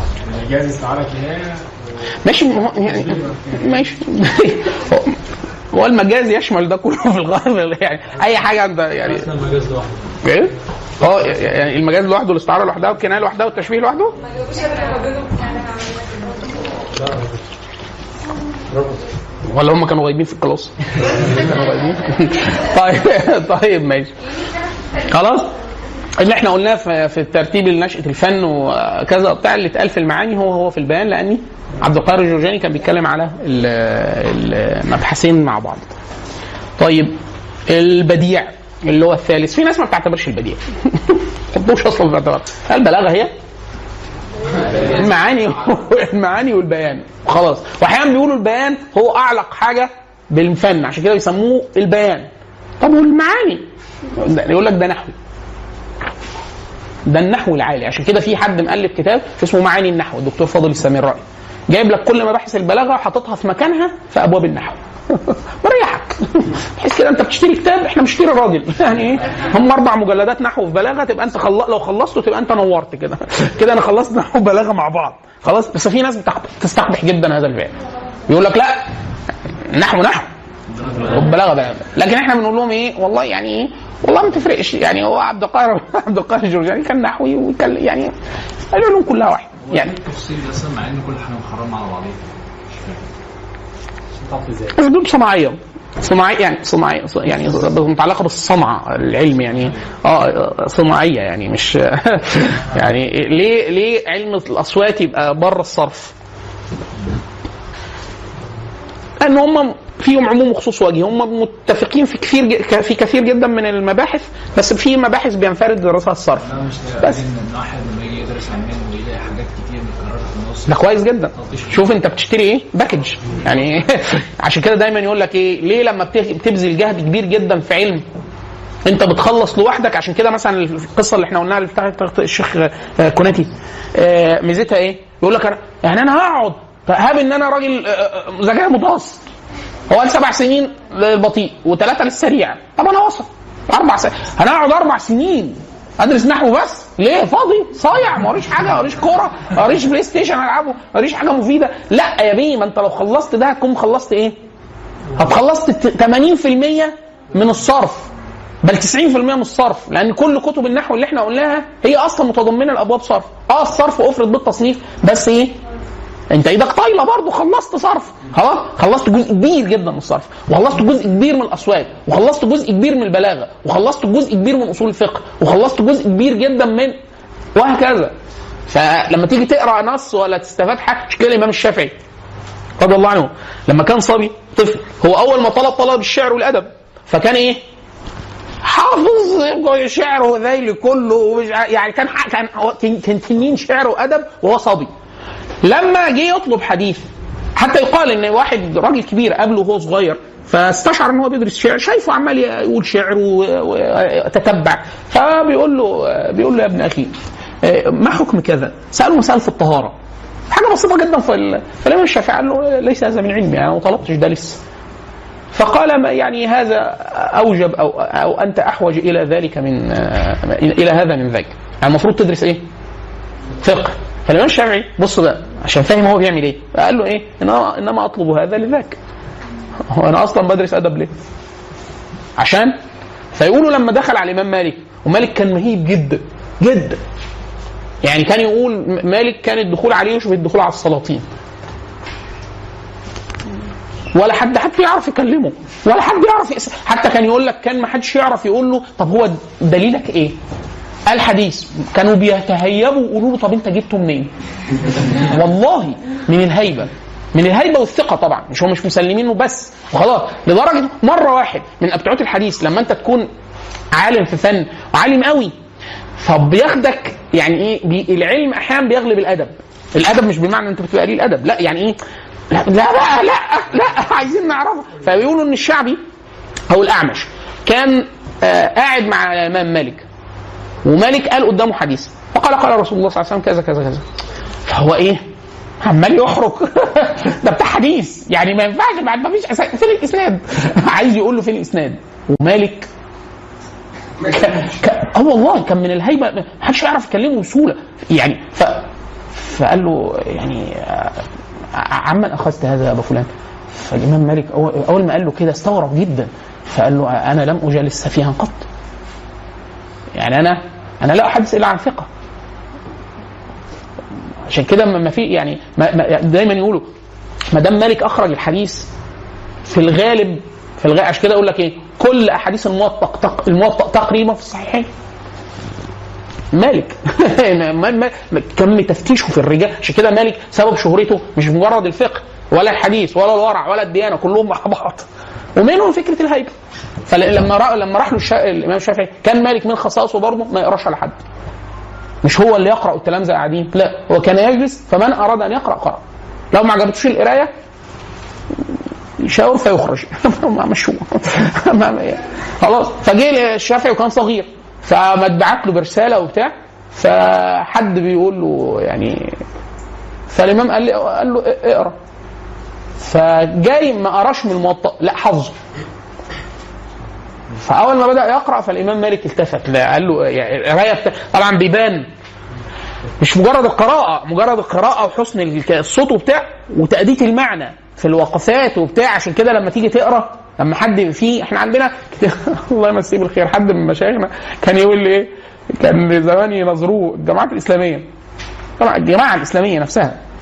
فكانوا هو كان شاب أيام ما كانوا هم في الجامعة وكانوا مطلعين عينه فكانوا يقولوا تعالوا ننظ- ننظر في حاجة في الإيمان وفي الكفر وبتاع. وهو كان يقول لي هم جهله أصلا فالمفروض ما حدش يناظرهم خلاص؟ فكان يقول له طب هتعمل إيه؟ غشم قوي. ومعظم الجماعة الإسلامية كانت عندنا في الصعيد. سامع عليك جهل والغباوة. يعني آه دماغه صعبة جدا. طبيعة الناس في البيئة ال- القرى والمراكز وبتاع تبقى أصعب جدا في التعامل. تخيل ده بقى لما يركب عليه تطرف. فبيبقى حاجة صعبة جدا. فكان الشيخ لما يجي يقول لهم يقول لهم يعني يقول لهم أنا شرط. في شرط للمناظرة. يقول لهم إيه؟ يقول لهم أي واحد فيكم بيعرف يقرأ أنا أسلم له بمذهبه. يعني أي واحد فيكم كمل تعليمه بيعرف يقرأ ويكتب. يعرف يقرأ ويكتب أنا أسلم ليه بمذهبه على طول من غير ما اناقشه فقول انت بتستعبط. كلنا بنعرف كلنا كلهم كانوا دكاترة ومهندسين يعني. فيجيب أي كتاب ويقول له اقرأ صفحة بالتشكيل. يعني هي الصفحة مش مشكولة. يقول له اقرأ. يقول له لو قريتها بالتشكيل أنا أسلم لا. أقول له طب لو وقعت في واحد بيفهم يقول لي أنا أنا كثقتي ما تتهزش في نفسي أوي. كلهم جهلة. فيقول له صفحة اقراها بالتشكيل وما تقفش. لا تسكن ولا تقف. أقول له كل السنين يقول لي ولا واحد. ولا واحد. فكانوا دي, عندنا في دار العلوم كانوا بيعملوا كده حاجة لطيفة جدا. وإحنا بنمتحن في العش في العملي. إحنا عندنا كان عملي. فالعملي ده إيه؟ سكاشن. السكاشن إيه؟ كانوا يقول لك إيه؟ خش يقول لك قول حاجة حافظها حافظ حاجة قرآن؟ آه يقول لك قول. خلاص؟ بعد كده لما في الدفعة الأخرانية بطلوا. يقول لك لا خليه يلخبط في شعر ولا نثر أحسن. العيال بتلخبط في القرآن ما مش حافظ وبيقرأ غلط وحاجة طين يعني. لكن لغايه لغاية ما أنا كنت في الكلية كانوا يمتحن يقول لك حافظ قرآن قول قرآن. كانوا إحنا حتى لما يقول لك لا ما تقراش قرآن يعني في ناس كانت يشترط يقول لك خش ما تقراش قرآن. ليه؟ عشان العك. بيلخبطوا. العيال بتبقى حالتها كان إحنا بتوع المؤهلات العليا لما كنا نخش كانوا في الغالب معظمنا مخلصين كليات وجايين فكان يقول لك لا. انت مؤهلات عليا يقول لك اقرأ. ليه يقول لك في الغالب بيبقوا إيه؟ جايين كويسين فبي فكان خلصت. يقول لك حافظ شعر آه حافظ حديث آه حافظ خطب آه، نثر أي حاجة آه. ولقيت ممتاز وبتاع ما يحطش الدرجة. يجيب كتاب من قدامه أي كتاب ويفتحه مش مشكول.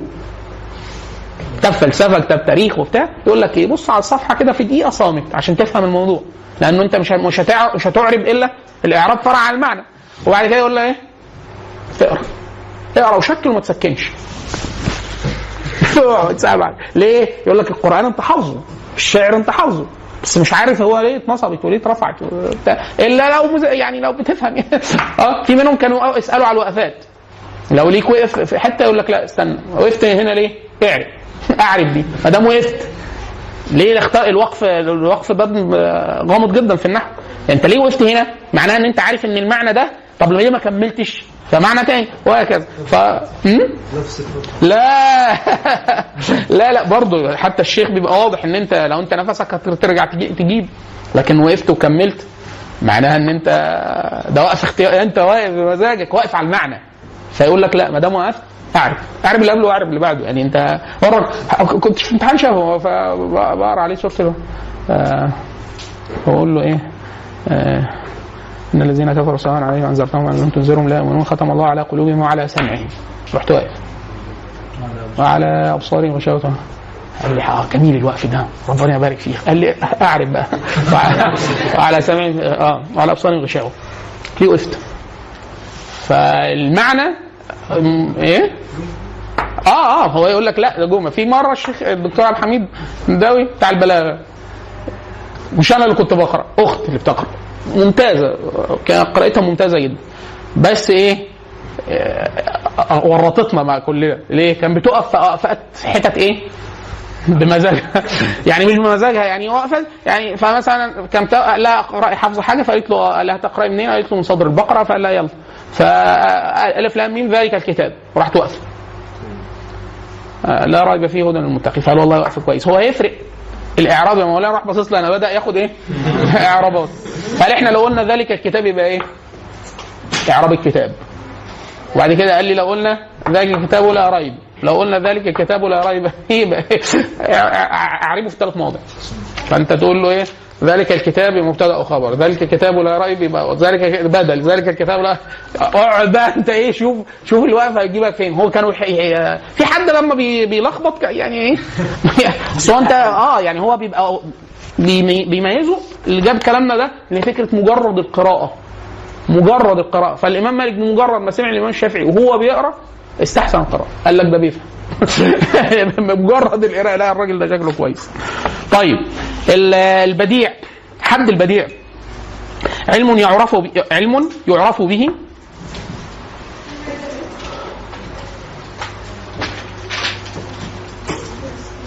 وجوه تقييد تقييد الحسن في الكلام.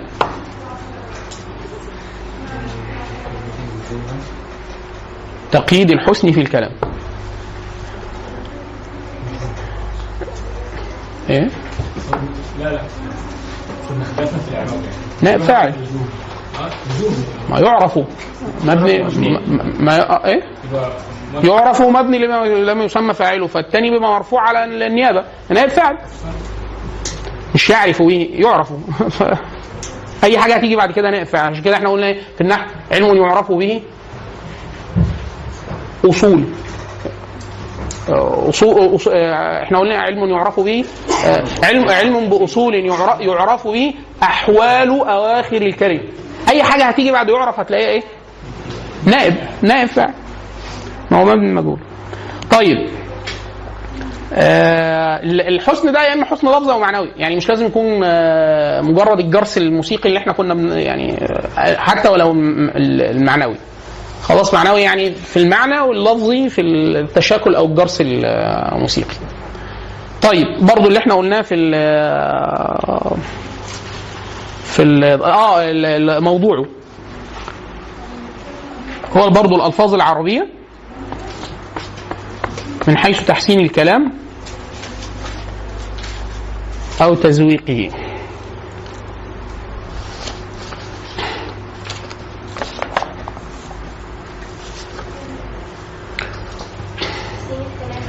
تزويق.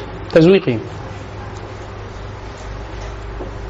تحسين التزويق يعني مجرد ضياع عشان كده دايما يقول لك البديع صنع صنع يعني إيه؟ يعني يعني عشان كده يقول لك لا البيان والمعاني هو صلب العلم. في الآخر حاجة لكن عند التدقيق؟ لا هو مش كده مش مجرد هو عند التكلف. تكلف البديع هو اللي بيبقى يبقى كده حاجة مجرد شكلها إيه؟ تحسين فقط مش تحسين دل على المعنى. وإلا لا هو مثلا المتتبع لفواصل القرآن اللي هو في, في, في غير القرآن بيسموه سجع آه لا ليها ليها أثر كبير غير مجرد بس مجرد التحسين السمعي يعني مش مجرد تسويح تحسين وتزويق يعني المعنى ده في قدر من القصور بس مش مش مسألته يعني مش عديها يعني. خلاص؟ بي- من ناحيه الأدب بس بي بي- بيحبوا اللفظة اللي بتتقال في غير في, غير ال- الألفاظ العام اللي على القرآن. أي شيء لأنه في حاجة اسمها سجع الكهان. ف ف- لكن هي في الأصل هي يعني هو سجع. من الناحيه الإيه؟ من ناحية المعنى. لكن من ناحية الأدب بيحبوا يقولوا فاصله آه، زي ما إحنا قلنا قبل كده برضه حتى في في الإعراب. يقول لك منصوب على التعظيم. ليه؟ عشان الاسم الحسن. آه، وهكذا. يعني طيب. لا إحنا طبعا بندرس فيه ال- الجناس والطباق وال يعني المسائل ال- إما المسائل ال- المسائل الصوتية والمسائل المعنوية. برضه كلها داخلة في التزويق ال- التزويق في النهاية التزويق أو التحسين. طيب برضه ال- ال- نفس الكلام اللي إحنا بنقوله آه، قلناه على ال- في المع... في المعاني والبيان ينطبق على البديع. آه تسلسل لأنه كل الكتب بعد كده بقت مضمن فيها الإيه؟ وإن كانت الكتب الأول يعني مفردة لإيه؟ ال- بالأخص لمسائل المعاني والبيان. بعد كده من السكاكي وانت نازل لا يعني خلاص جزء أساسي.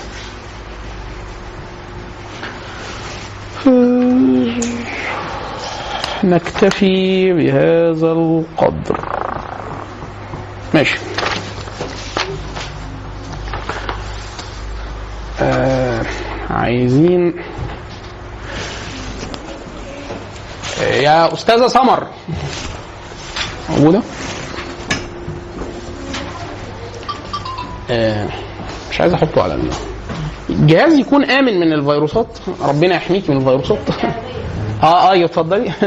آه، استاذنك اديها فلاشه شوفي كده آه، ابحثي في فيها على قتيلة. مم. يعني اعملي سيرش على قتيلة.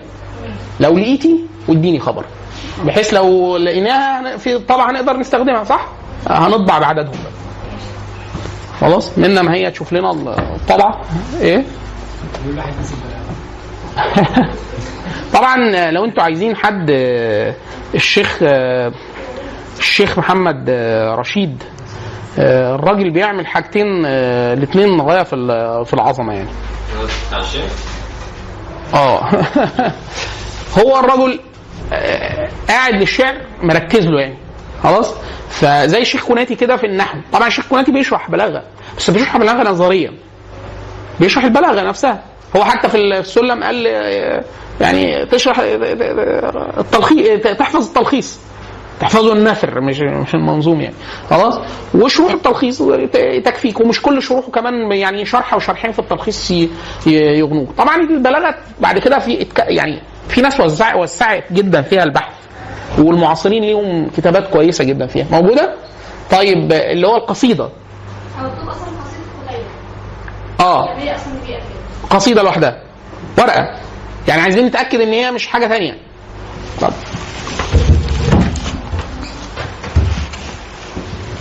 دقيقة. سلام. أحط وأمشي برضه. مرة كنت أيام زمان وأنا ساكن لوحدي كان عندي مج. فكنت أعزب وأنا في أسيوط.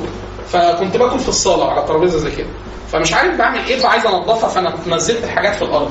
فبقيت في مش مش مكانها الطبيعي فراح أجيب حاجة من الصالة للاوضه شطه. فاتشال متر أو 2 متر. زحف. ما حصلش حاجة. فأنا قلت ياه. الحمد لله. كنت بحبه جدا المج ده لأنه كان عزيز عليا ليه سنين معايا. بعد كده رحت أودي الحاجة رجعت شفته تاني كسرته. ما فجاه أنا انبهرت من الحكمة. من الحكمة. لا لا شفته هو جبته جوه كمية من اللي أنا جبته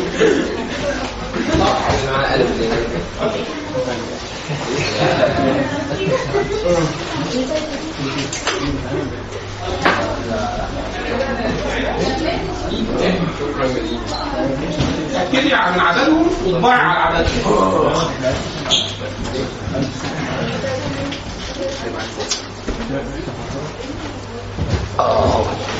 هم يطبعوا لنا الإيه؟ يطبعوا لنا القصيدة من ما يطبعوها نكون إحنا إيه؟ خلصنا المعجم خلصنا المعجم فالشيخ مح... الشيخ الشيخ محمد رشيد آه، ميزته إن هو الراجل بيشرح شعر كتير فالشعر هو الماده يعني نصيحة ما تدرسوش بلاغة لوحدها كده. يعني احفظوا لكم الأول حركة 10 20 قصيدة كده من متوسط الحجم مثلا من المفضليات المفضليات فيها قصائد كتير كويسة مختارات شعرية حاجات زي كده. بعد ما يبقى عندك قدر ما من المحفوظ ادرس بلاغة عشان يبقى عندك مادة تطبق عليها. وإلا البلاغة لوحدها أكنك واحد بيدرسوه كمبيوتر من غير جهاز. يعني هعمل بيه إيه؟ ما هو ما, فيش جهاز كمبيوتر. طب إيه؟ تدرسوا إيه نظري؟ طبعا آه، لا, لا, لا, لا, أخفيكم إن أنتم محتاجين في أي علم من العلوم. من بعد المستوى الم... الم... الم... الأول يعني بعد ما تتجاوزوا مثلا الاجروميه في النحو لازم تبقوا دارسين منطق كويس. وإلا في حاجات كتير مش هتفهموها. منطق كويس. يعني وأنتوا بتشرحوا بتذاكروا. ناويين حد هي... أنت بتدرس الأجرومية. تدرس أي مستوى مبتدئ في أي علم. وأنت شغال بادئ فيه. لو أنت نيتك ناوي تكمل إن شاء الله في المسألة دي ابدأ مستوى منطق آه، مبدئي. لازم. خلاص؟ شوفوا التسجيل لو حد عايز يسمع حاجة بسيطة جدا قبل متن من المتون المنطقية الشيخ محمد آه، شوفوا تسجيل الشيخ محمد سيد الحنبلي كان شارح منطق هنا آه، في ثمان محاضرات. مدخل قبل ما قبل المتون يعني لسه مش السلم السلم المناورة أول متن بيدرس في المنطق آه، أو ايساغوجي بس اللي مشهور عن هنا بيد- بيدرسوا إيه؟ الشيخ محمد سيد الحنبلي. إيه؟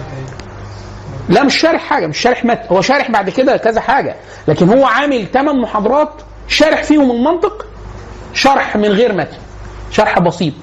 لواحد ما سمعش حاجة عن المنطق قبل كده. لطاف جدا. جدا. لا لا. صوت. شوفوا. إيه؟ آه هو ما فيش تعارض ما بين المنطق والحنبليه لا هم بينكروا على المنطقة لا في فرق بين إن أنت في فرق بين إن يكون في حد ليه نقد أو نقد للمنطق. شيخ الإسلام تيمية الحنبلي من أشهر كتبه نقد المنطق أو الرد على المنطقيين. ليه كتابين؟ خلاص؟ آه ده مش معناه إن هو مدرسة منطق. ده معناه إن هو خلص منطق. ما مش ممكن ينقد شيء هو ما يعرفوش الحكم على الشيء فرع عن تصوري فأنت مش ممكن تحكم على حاجة تقول وحش ولا حلو إلا إلا لو مش دراسة بس. دراسة مستوفية. يعني إحنا لما بنيجي ندرس إحنا كنا في كلية دار العلوم بندرس منطق. بس بن- بندرس منطق بالطريقة الموضوعية. فبنشوف المنطق يعني تاريخه ومباحثه الأساسية ومش مش بطريقة الأزهر يعني. الأزهر بيدرسوا الموضوع العلمي بشكل أدق مننا بكتير جدا. فلما كانوا بيعرضوا لمين نقدوا؟ نقد المنطق. فعلى راسهم شيخ الإسلام تيمية. فنقده نقد تفصيلي. يعني بيقول لهم أنتوا بتقولوا كذا في الحدود وده صح وبتقولوا كذا وده غلط بتقولوا كذا في القضايا وده صح وبتقولوا كذا وده غلط. وده استخدامه في الرياضيات صح عشان بيعمل واحد اتنين تلاته واستخدامه في الفيزياء كذا. يعني هو وهو الراجل في فرق كبير جدا من ان أنا أكون دارس الشيء وبشرحه وإن أنا مسلم له. خلاص؟ الشيخ محمد بما إنه راجل فيزيائي أصلا الشيخ محمد خريج هندسة نووي. هو مدير المفاعل النووي. الشيخ محمد فبتاع فيزياء أصلا مهندس. فهو بعد في المستوى الثاني بيشرح كان الدمنهوري على السلم المستوى الثالث كان بيشرح الصبانه على الملاوي. آه كتير جدا اثناء الكلام يقول يعني عند التدقيق ده مثلا فيزيائيا ده حاليا مش صح أو ده اتنقد في المنطق الحديث أو ده يعني وهكذا. ففي فرق كبير جدا بين إن أنا أكون متقن للشيء وفي فرق إن أنا أكون مسلم بمباحثه كلها أو ده مش شرط. خلاص؟ قلت الشيخ محمد رشيد. الشيخ محمد رشيد ميزته إن هو إيه مدي وقت كتير قوي للشعر للمادة المادة بحيث أنت وشارح بلاغ فأنت لو مسكت الشيخ محمد بقى إيه يعني. حفظت قصيدة من اللي هم بيقولهم وسمعت شرحها كامل قصيدة قصيدتين ثلاثة كده إيه خدت يعني المؤنسة آه مش عارف حاجات يعني إيه تكون لطيفة وبتاع بلاش المعلقات لأن المعلقات صعبة شوية. خلاص عمر بن أبي ربيعة حلو. وبتاع. وبعد كده تروح سامع بقى ليه وهو شارح واظن متنه هو هو اللي عامل هو هو من المتن وشرحه متهيألي. حاجة في البلاغة بسيطة يعني. أو الشيخ كوناتي شارح البلاغة الواضحة وشارح التلخيص ويعني لكن الشاهد إن أنت عايز مادة يعني. هو ده الشاهد في الكلام أنت عايز مادة الأول مادة تشتغل عليها يعني. طيب. إيه، إحنا كنا هنقول يعني هن- هنقرا قصيدة ولا معجم؟ إحنا قلنا معجم الأول. هات أستأذنك.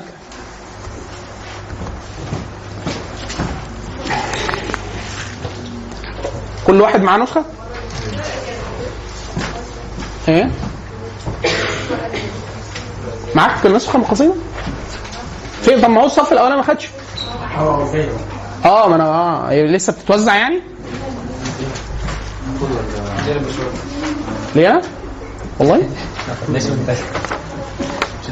طب أنتوا ما خدتوش ليه؟ آه هي لسه جاية هي بتيجي بتيجي تصوير كده أوضح اهو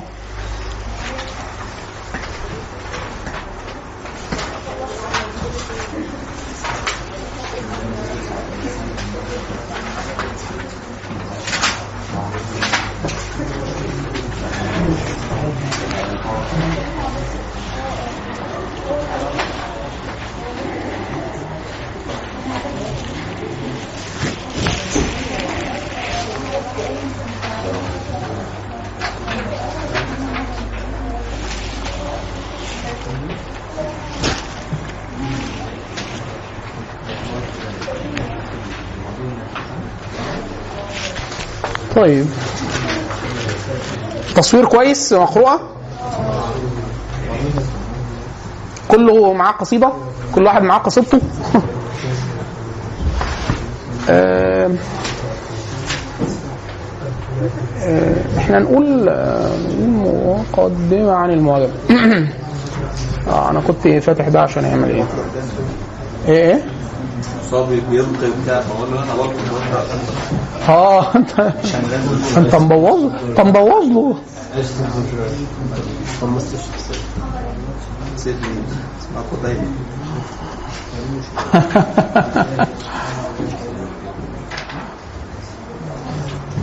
طيب.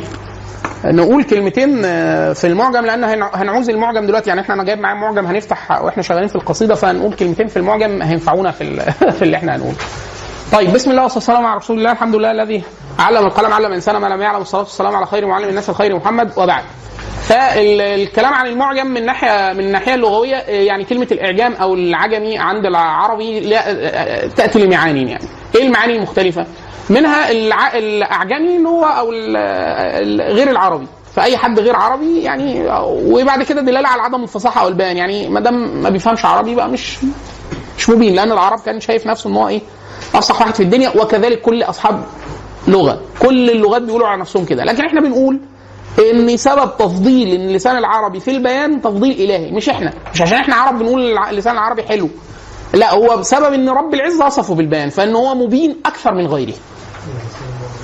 خلاص كده؟ وإلا اليونانيين كانوا بيتكلموا بيسموا غيرهم البربر. أي حد بربري يعني أي حد ما بي... لا مش متخيل. ما بيعرفش يتكلم يوناني لأن اليونانية هي اللغة ال- هي اللغة المظبوطة. وهكذا وهكذا. خلاص كده؟ طيب. أو ال... ال... الإعجام بمعنى ال- النقد. هو في الأصل التوضيح. إن أنت أعجمت الشيء يعني وضحته فجاي منين معنى لما إحنا بنقول حروف المعجم؟ إيه الفكرة؟ إن في الأصل الحروف كانت بدون نقط. الحروف العربية كان بدون نقط. فالبه والته والثه واليه والنون كلهم زي بعض فإزاي تحدد إن دي به أو دي نون أو ته؟ فعايز تعجمها يعني توضحها. فعملوه نقط اللي إحنا بعد كده هنسميه نقط الإعجام. اللي هو إيه؟ إن الته نقطتين وإن البه نقطة تحتها وإن النون نقطة وحدها بس هي لها شكل مختلف. النقط ده يسموه نقط الإعجام اللي هو التوضيح. إن أنت تعرف بيه الكلمة لو من غير نقطة تبقى مهملة. يعني إيه الفرق بين الدال والذال؟ بنقول الدال دي المهملة والذال المعجمة. يعني اللي بنقطة اللي موضحة. خلاص كده؟ بالسليقة. وخاصة إن هم ما هم نفس المنظر. أنت لما لو واحد إداك دي بيعملوها كتير على الفيسبوك إدوك ورقة كاملة بدون نقط وبيقول لك اقراها. إن أي حد بيمسك الورقة بيقرا بيقراها ق- قراءة سليمة 100% إيه السبب؟ إن هو إحنا بنعمل استنتاج دلالي للشكل مع التعاقب. إن دي المفروض تيجي ورا دي. أو أنا بتوقع تيجي كذا ورا بعض. والدليل إن 70% من الأخطاء. لو جابوا لك نص 70% خطأ في النقط والحروف مبدلة ومن غير همزات وياءات وبتاع ومش عارف إيه برضه بتقرا صح ليه؟ لأن إحنا بنقرا بعمليه معرفية أكثر تعقيدا من مجرد الشكل الظاهري. فالعربي كان بيعمل كده. وهم في الأصل العرب يعني يقل فيهم القراءة. يعني نادر جدا ما تلاقي واحد كان بيقرأ أو يكتب في العربية في العرب عموما. بل كان الراجل يعني لما يتقال في مناقبه يقول لك وكان كاتبا. يعني بيكتب ويعرف يقرأ ويكتب لأنه في الأصل الأمة العربية ما كانتش أمة حضارية قوي فما كانش محتاجين للقراءه بس هم في الفصاحة والبيان شعر فيقولوا وما يكتبوش. يعني ما يعرفش يكتبوا. فنادر ان ممكن واحد تلاقيه شاعر فظيع يعني هو ما يعرفش يقرأ ويكتب. بس هو إيه؟ ملكة البيان والدلالة على المعاني. خلاص كده؟ طيب إيه علاقة الكلام اللي إحنا بنقوله بعلم المعجم؟ علم المعجم أحيانا إحنا بنسمي الكتاب نفسه المعجم أو القاموس. كلمة القاموس في العربي يعني البحر. فحتى عشان كده من أوسع مع- معاجم اللغة العربية اسمه إيه؟ قاموس المحيط. يعني البحر المحيط. خلاص؟ فكلمة قاموس يعني بحر. طب إيه المعجم بقى؟ المعجم ده في الآخر في الصنعة المعجمية بيبقى كتاب فيه ألفاظ اللغة مرتبة طبقا لترتيب معين بحسب حاجة المستعمل. وفي شوية معلومات أخرى. المعلومات دي اما معلومات لغوية أو معلومات عامة. فهو كتاب جامع لألفاظ اللغة العربية مرتبة طبقا لترتيب يتبع غرض المستعمل. ليه إحنا بنقول يتبع غرض المستعمل؟ لأن غرض المستعمل ده هنشوف بقى هنرتبه إزاي. ويشمل بعض المعلومات اللغ- اللغوية والمعلومات العامة. برضه دي هنشوف إيه المعلومات دي هتيجي إزاي. فهرتبه إزاي؟ على حسب أنت مين. وأنهي ألفاظ هستخدم ه- هجيبها؟ على حسب انت مين و المعلومات اللغوية اللي أحطها والمعلومات العامة برضه على حسب انت مين طيب فمن ناحية التعريف الحد إحنا قلنا حاجة زي تشبه الحد. من ناحية الو- الواضع أول معجم وصل لنا إحنا؟ معجم العين للخليل.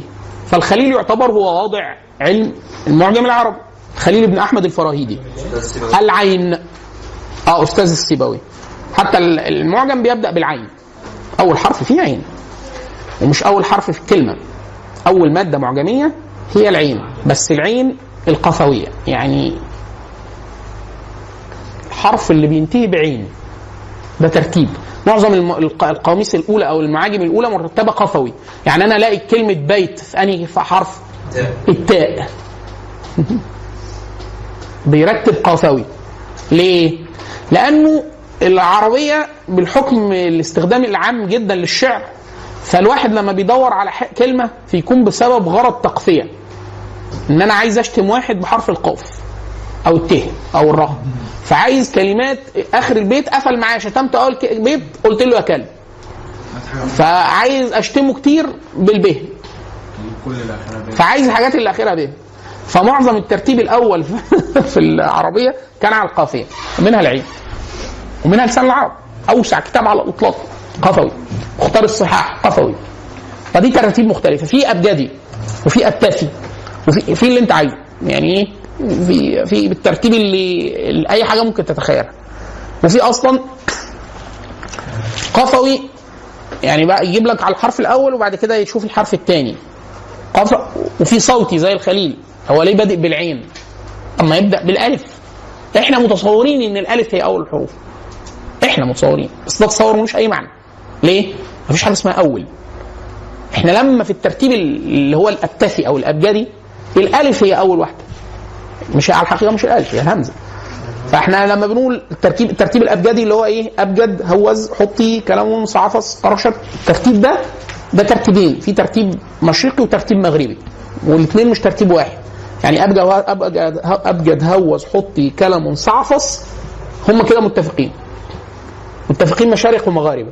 إحنا بنقول قرشت بعدهم. يعني القاف والراء والشين والتاء. هم بيقولوا قرست السين.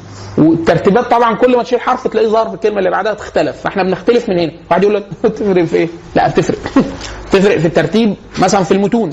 في ناس عاملة المتون ترميز. الحروف بيرمزوا بيها الأشياء. فالترتيب ده هو ترتيبها زي الشطبي في القراءات. بيرتب الترتيب ليه؟ الشطبي مغربي. فبيرتب على ترتيبه. خلاص؟ والترتيب الابتثي اللي هو بتاع آه، مصر اللي هو ألف ب ت ف ج ح. حاطط الحاجات اللي شبه بعضها في الرسم ورا بعض. فحاطط ال- الهمزة لوحدها. وبعد كده الب والت والث كلهم طبق طبق طبق شبه بعض. والجيم والحاء والخاء جنب بعض. والدال والزال زي بعض. والراء والزاي زي بعض. والسين والشين زي بعض والفاء والقاف زي بعض والعين والغين زي بعض. وبعد كده الطاء والظاء الضاد والصاد الحاجات إيه؟ كلها بعد كده بيخلص. خلاص؟ فهذا ترتيب. الأبجدي ده ترتيب. والأبجدي أصلا فيه ترتيبين. بيحطوا آخر بالذات الواو والهاء واللام ألف يحطوها فين. برضه ده إيه؟ لأنه لام ألف دي هي الألف. بس إحنا ما بنعرفش نكتب ننطق الألف لوحدها كصوت عشان هي مسكنة لا تحتمل الحركات. فبيجيبوا لام ساكنة فبيقولوا لا. فهي إحنا بنقول لام ألف جوه الحروف في الابجد أب- في الابتفي عشان نقول إن هي دي الألف. لكن آ اللي في الأول دي الهمزة مش الألف. صوت الألف اللي هو آه من غير همزة.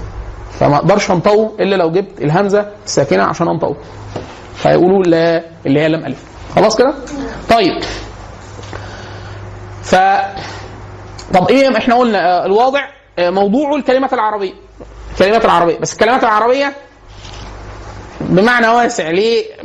هنجيب هي دلالة الكلمات العربية. يعني بس دلالة الكلمات العربية مرتبة في كتاب واحد مش مجرد ال- الألفاظ العربية مطلقا كده. ده إحنا عايزين نرتبها ونجيب عليها شوية معلومات. فيعني هي الألفاظ العربية بس عليها شوية بيانات. خلاص ده في الموضوع. الواضع خليل بن أحمد الفراهيدي أول معجم عندنا معجم العين. بعد كده مفيش امه على وجه الأرض شبه الأمة العربية في التصنيف المعجمي. اطلاقا. يعني الدكتور الشرقاوي عامل كتاب اسمه معجم المعاجم. معجم المعاجم. الكتاب 300 حاجة 300 حاجة صفحة 360 صفحة تقريبا. ال 360 صفحة هم أسماء معاجم بس. يعني هي أسماء أسماء معاجم ورا بعض. الكتاب كله أسماء معاجم بس. اسم المعجم مين اللي ألفه؟ سنة كام؟ الكتاب كله. أسماء معاجم بس. واحد يقول لك ليه؟ كنا بنكتب أي حاجة ممكن تخطر على بالك اتعمل لها معجم. معجم أعضاء الإنسان معجم الخيل معجم الريح معجم ألفاظ أي حاجة أي ترتيب ممكن يخطر على بالك ترتب أي مع... ترتب اي, أي حاجة. لكن طبعا الكلام ده وقف. يعني في التاريخ المعاصر اللغة الإنجليزية واللغات الأوروبية اتخدمت بشكل غير عادي. لكن ما زال إحنا الفخر بتاعنا بالقديم موجود. يعني إحنا عاملين شغل في القديم عالي معاصر آه عملنا مع- معاجم لكن طبعا الصنعه المعجمية حاليا صنعة تقوم عليها الدول.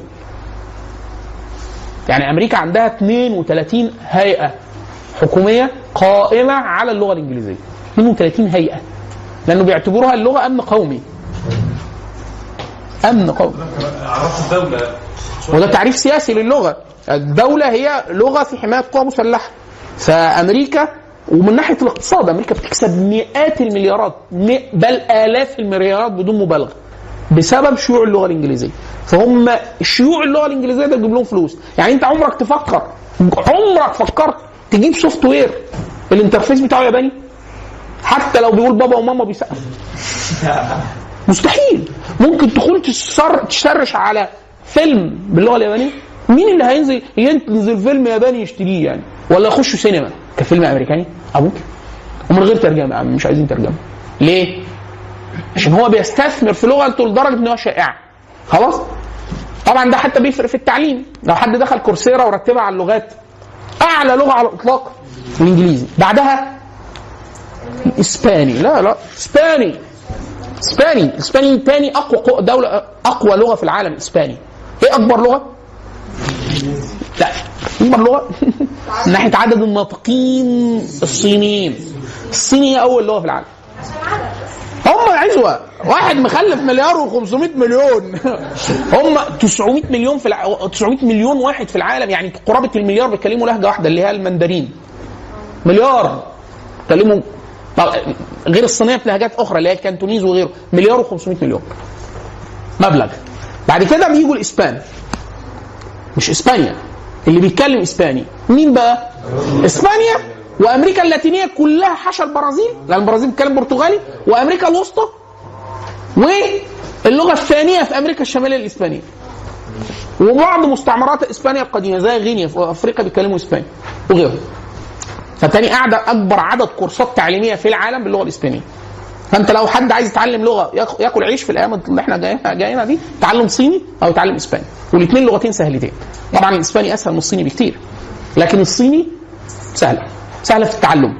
على عكس ما الناس متتصورها مش صعبة. أنا جربت ياباني سألت ناس متخصصة في الصيني وشفت سينما صيني يعني.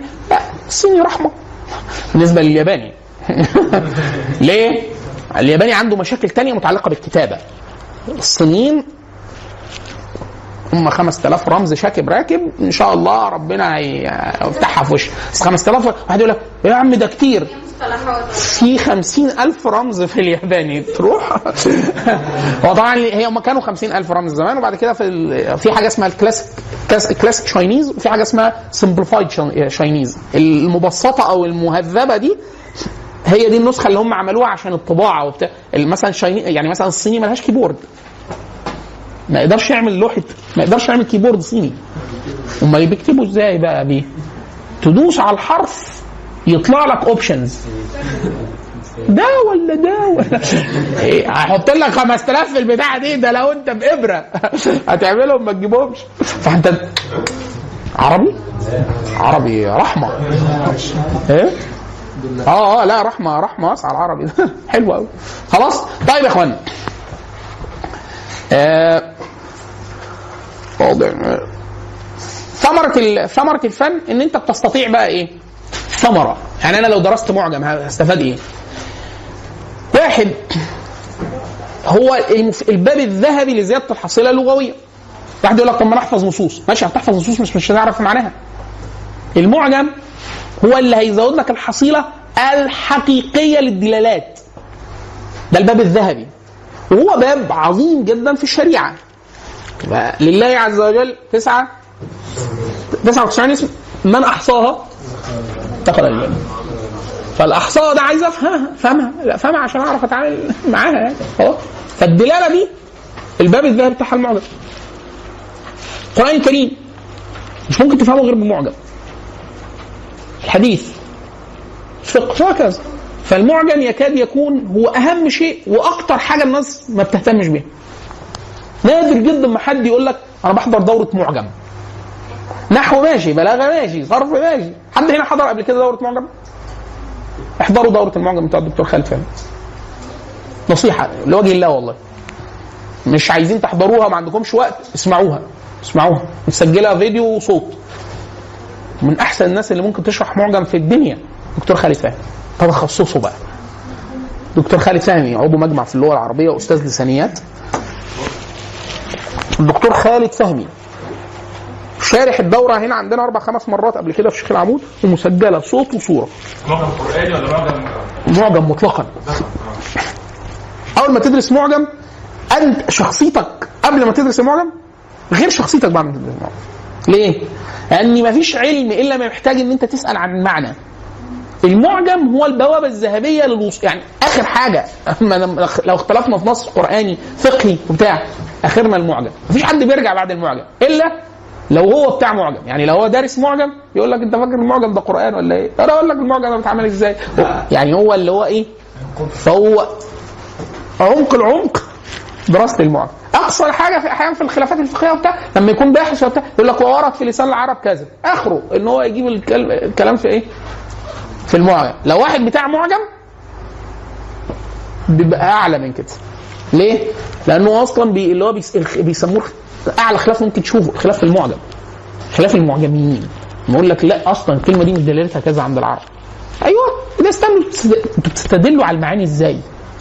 عشان تحطها في المعجم؟ عشان لما نغلب في المعنى أروح للمعجم. فالمعجم حاجة حاجة ذهبية بس الناس بتغفل عنها. نصيحة لوجه الله. دورة الدكتور خالد فهمي. موجود على اليوتيوب؟ آه. وشوفوا على ال sound ومرفوعه sound على SoundCloud عظيمة جدا. لأنه الميزه فيها إيه؟ إن الدكتور خالد فهمي هو متخصص من طراز رفيع في المعجم. يعني هو مثلا حقق مع مع- معاجم بإيده. يعني هو أحسن تحقيق لفقه اللغة بتاع الثعالبي هو. خلاص؟ اتنين هو راجل بتاع تحقيق. تحقيق. فإيده راحة جاية على الكتب وبتاع. فكم تعرضه للمعاجم غير عادي. ومش عارفها الحاجة بالشكل. يعني مثلا أنا هو أقول لك آه ده مختار الصحاح. وأنا عارف الصحاح وعندي. خلاص. هو يقول لك إيه؟ لا أنا قريت المعجم الفلاني وقريت المعجم. يعني يقول لك أنا قريته ده من الجلده للجلده قريته. فإحنا لا إحنا بنرجع للمعجم يا فندم. إحنا ما بنقراش المعجم. طبعا الطبقة العالية أستاذ محمود شاكر والناس دي أنا دول أول واحد أقرأ له العبارة دي في حياتي كان الشيخ بكر أبو زيد الله يرحمه السعودي كان يقول لك فتذهب فتقرا لسان العرب فالشارح كان الشيخ ابن عثيمين الله يرحمه السعودي فبيقول إيه؟ يقول يعني العبارة فيها إشكال يعني يرجع إلى المعجم لكن المعاجم لا تقرأ. فأنا طبعا في الأول قلت آه الكلام وجيه صح يعني كلام الشيخ ابن عثيمين حاليا أعتقد إن كلام الشيخ بكر هو الصح. آه المعاجم بتتقري بتتقري على الشيوخ. الاستاذ محمود شاكر الله يرحمه بيقول إحنا قرينا لسان العرب على شيخنا اللي هو المرصفي. مرتين.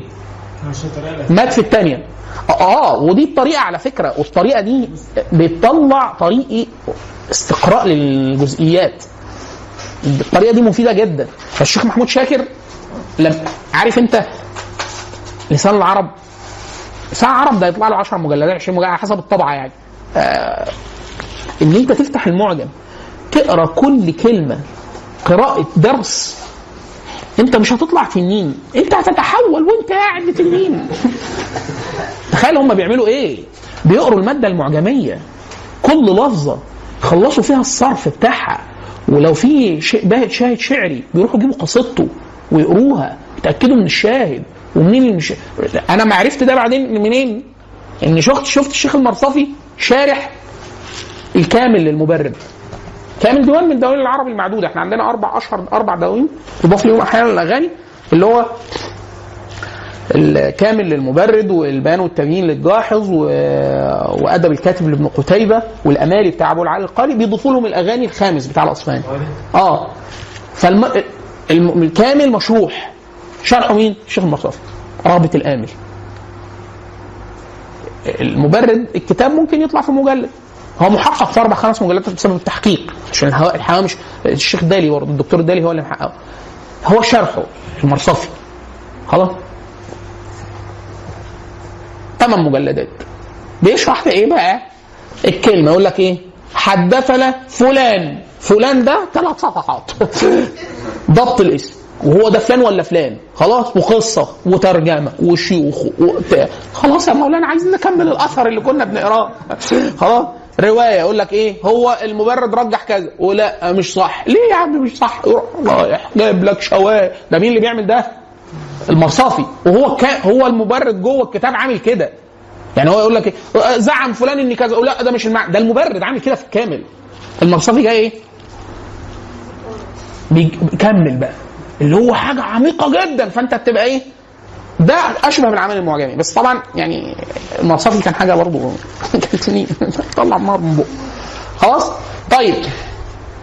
فده من ناحية الثمرة. ففي ثمرة شرعية وثمره في كل شيء. إن أنت تعرف تجيب أي لفظة في أي علم طبعا المعاجم أنواع متخصصة. يعني في معاجم متخصصة في معاجم هندسية في معاجم في الرياضيات في معاجم في الإحصاء في معاجم في, في يعني إيه؟ في المعاجم فيها مواد ثرية جدا. في معاجم لغتين. في معاجم ثلاثية اللغة في معاجم متعدده أي أزيد من ثلاثة بيتقال متعدد. يعني إيه؟ أربع لغات وخمس لغات في المعجم الواحد. خلاص؟ وهكذا. فأي حاجة الصناعة المعجمية صناعه معقدة جدا وبالذات في التاريخ المعاصر. لأن الموضوع وسع. الموضوع كبر مننا يا مولانا دلوقتي. في إيه؟ في كم إضافة مصطلحات لكل علم بأعداد مهولة كل لحظه كل يوم كل لحظة. فالعمل المعجمي بقي حاجة صناعة دلوقتي صناعة مربحة جدا. يعني في شركات يكاد يكون اقتصادها أكبر من دول. هي عملها في الصناعة اللغوية مطلقا المعاجم حاجة هامشية بالنسبة لها. يعني بتعمل ده مما مما طبعا جوجل بيعملوا معجم. الناس حاليا نادر ما يرجع لمعجم. أي كلمة عايز تقابله ياخدها copy يحطها في في, في, في Google Translate. يقول لك سيبك من الترجمة. وإن كان ترجمته اتحسنت جدا دلوقتي لأنه عملوا تحسين في في الم... في الطريقة. بيستخدموا شوية حاجات حديثة أحدث من ال statistical based بيعملوا حاجة neural network الشبكات العصبية في الترجمة الآلية وكده لكن معجم ممتاز وينطقها لك ويطلع لك إيه؟ استخداماتها المختلفة واستخداماتها عليها جمل. فجوجل نفسه عامل لك على الهامش كده معجم. المعاني حاليا الناس كتير جدا أي حاجة يدور عليها في المعاني المعاني ده تجميع معجمات وفي إنجليزي. وهكذا. طيب.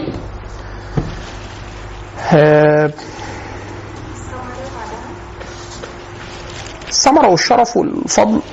اضربيهم في الخلاط مع بعض. لأن انت ما دام عرفت الثمرة هتعرفي فضله وشرفه مهم جدا. آه طيب عايزين إيه تاني؟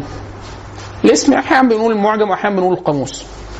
آه لأنه الاثنين بيدلوا على حاجة واحدة لكن آه، المسائل يعني مسائل الفن جوه جوه العمل المعجمي على عكس ما تصور الناس المس- المسألة واسعة يعني هي مش مجرد كلمة ومعناها لا المسائل أحيانا بيبقى فيها قدر من المعلومات الصرفية. وفي معلومات عامة وفي حاجات تاريخية وفي حاجات في حاجات كتير جدا جوه المعجم تطلب غير مجرد الدلالة المفردة لكن في الأساس آه، طبعا بندر- بندرس جوه مسائل الفن آه، آه، يعني إيه المدارس المختلفة في المعجم التراتيب المختلفة. آه، كيفية البحث آه، والكشف في معظم المعاجم. لأن أنت لو مش عارف الطريقة اللي بتت- تبحث بيها في معجم معين ممكن تتوه. في حاجات عايزة تدريب وعايزة تنصيص يعني. وهكذا. طيب نقرأ ال- نقرأ آه، نقرأ القصيدة و آه، نجرب في المعجم. يعني إحنا معانا معجم هتقابلنا كلمات إحنا ما نعرفهاش. فإحنا هنعمل إيه؟ إيه؟ لا لا أكيد هتقابل حاجات تعرفها طبعا. وفي حاجات مش هتعرفها. فإحنا هنعمل إيه؟ إحنا مش عارفينها. فهنعمل إيه؟ هنروح رايحين آه ونروح باصين على إيه؟ معناها في المعجم نشوف. طبعا ده معجم صغير يعني مختار الصحيح معجم صغير. هنشوف. في حاجات هنلاقيها وفي حاجات مش هنلاقيها. وفي حاجات هنلاقي المعنى بس مش هنلاقي الاستخدام السياقي بتاعنا وهكذا. خلاص كده؟ طبعا لو شوف فتحنا معجم أكبر هنلاقي. في معنى ممكن نطلبه وما نلاقوش في أي معجم؟ طبعا آه. إلا معاني القرآن والسنة. ليه؟ حصر اللغة كلها شيء صعب جدا. يعني دايما يقول لك إيه أي حد بيألف كتاب بينتظر المدح. أي حد بيألف معجم؟ لا بيقول لك يا- ريت ما تشتمش كتير. ليه؟ لأن أنت أنا أنا جاي لك يا بيه آخر واحد. ادور على الكلمة ما الاقيهاش تقطع بأملي. يعني أنت عارف لما إحنا كنا بنذاكر إنجليزي وتدور في القاموس وما تلاقيش الكلمة. اولع فوق. ليه؟ هسقط. عايز أعرف الكلمة. أنت قاموس أنت أنت قاموس يا أستاذ. أنت عارف كل حاجة. فأنت تتصور إن إيه؟ القاموس فيه كل حاجة. بس طبعا مش كده مش كل حاجة. فعشان كده في كتب اسمها إيه؟ مستدركات على المعاجم. يعني ما أخل به كذا كذا كذا. المحققين الكبار زي الاستاذ محمود شاكر وهارون رش... وهارون وعبد السلام هارون وأحمد شاكر في آخر كل كتاب بيحققوه يقول لك إيه؟ المواد المعجمية التي أخلت بها المعاجم. مش هتلاقيه في المعجم أو المعنى ده مش موجود في المادة دي في المعجم. ضيفه. هم بيطلعوه؟ آه. ما دول هم دول بقى إيه؟ دول اللي هم اللي يرقوا يرقوا لدرجة إن هم يحطوا معجم. اللي هو عنده آليات الاستدلال على المعنى. عنده نصوص وبيعرف يستدل بيها على المعنى. ويروح للمعجم يلاقي لك المعنى ده مش موجود. فيقول لك المعنى ده المفروض تلاقيه في المادة دي في المعجم عشان لما تقابل نص زي كده تعرف إن ده أحد معاني هذه اللفظ. بس تبقى حاجة ما بيعملهاش غير يعني محمود شاكر. أحمد شاكر عبد السلام هارون اللي هم يعني إيه؟ لازم يكون تنين. يعني شرط إنه يكون تنين مجنح. طيب نظرة كده 30 ثانية. كله إيه؟ يعني 30 ثانية دقيقة. بصوا بصة عامة. يعني إيه؟ يعني إحنا إيه؟ هنا يبان إحنا هنعمل تجربة بسيطة جدا على القصيدة دي. علوم اللغة تفيدك في إيه؟ يعني إحنا معانا اونص وبالعربي ومشكول. خلاص؟ طب إحنا ممكن نسأل حضراتكم بس انت المفروض تفت- تفتكروا. حتى كمان العروض بتاعه ده شعر ولا مش شعر؟ وليه شعر؟ وأنهي بحر؟ كان على وزن إيه متفاعل متفاعل متفاعل متفاعل متفاعل متفاعل. شوف. ما هو ده هو البيت. أنا أنا قلت من باب إيه؟ من باب إن أنا أكسب فيكم ثواب. جبنا البيت الأولاني قطعناه. خلاص؟ فبصوا بصة كده ونقراها ونسمع من حضراتكم. قراية.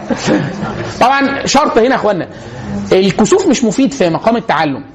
فان انت تتعلم وتغلط ده حاجة كويسة جدا جدا. وان انت تاخد فرصة ان انت تتكلم قدام حد وتغلط ده حاجة كويسة جدا. ليه؟ تكتسب قدرة على الجراءه وتجرب صوتك. يمكن صوتك يطلع خامة كويسة. والله. خلاص. ف... فاحنا هنسمع من حضراتكم تقريبا كلكم. يعني إيه؟ القصيدة. بس إيه بعد ما إيه؟ عشان تعرفوا تقراها كويس لازم تبقوا عارفين معناها. فاحنا هنقول حاجة بسيطة جدا عن معناها. هتلاقي الدنيا نورت. أول ما الدنيا تنور هنروح إيه؟ قارينها بقى تمام يا راكبا وانت أبلغ بها ما يتم تحية ما إن تزال بها النجائم تخفق مني إليك عبرة مسروعة جادا بشرتها وأخرى تخلق. هل يسمع أن النظر إن أتيته إن كان يسمع؟ ميت لا ينطق واللفظ قلت سيوف بني أبي تنوج لله يرحم هنا تتشقق صبرا يقاد إلى المنية متعب الرأس والمقيد ومعان موثق ولا أنت مثل نجدة في قومها والفحل فحل معلق ما كان ضرك لو مننت وربما من الفتى وهو النقيض المعلق أو كنت قابل فدية فلا نأتين بأعز ما يغلو لديك وننفق والنضوء أقرب من أخذت أخذ أخذت بذلة وأعظم من جمعت قيمة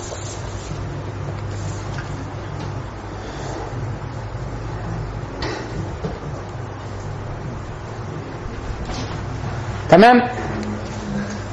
خلاويص. بعد ما تقروها من غير ما اللي جنبك يشوف اكتب فوق رقم من عشرة مدى فهمك للي انت قريته. فادي مثلا واحد من عشرة. هو مش ممكن مش ممكن يكون صفر. في كلمات أكيد عدت عليك فهمتيها. فإيه؟ قول والله أنا تقديري إن أنا فاهم 20% كلمات ولا معنى؟ ما هو الفهم مولانا حاجة بيسموها آه، الفهم القرائي. اللي هو اللي إحنا بنستعمله ده حاجة بيسموها الفهم القرائي. اللي هو ذروة المسألة. ذروة المسألة إيه؟ إن أنا عايز أفهم النص. فالفهم القرائي ده سبع مستويات. سبع مستويات.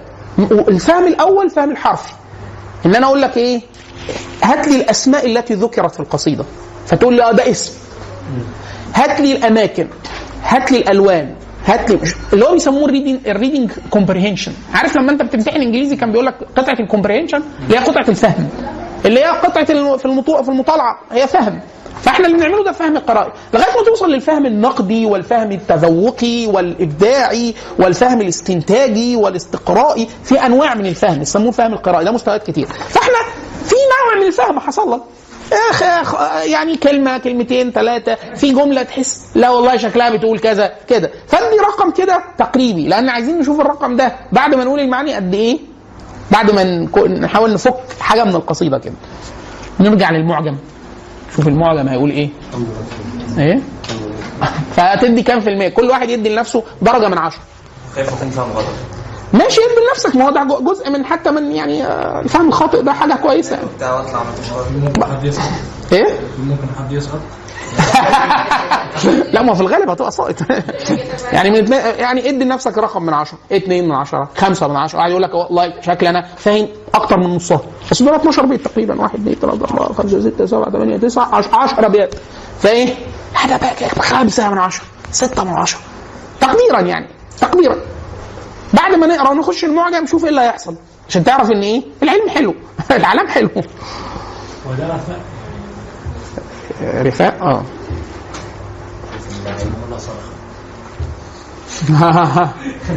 لا ما هو أنت برضو ده جزء بقى من الفهم الفهم الاستنتاجي.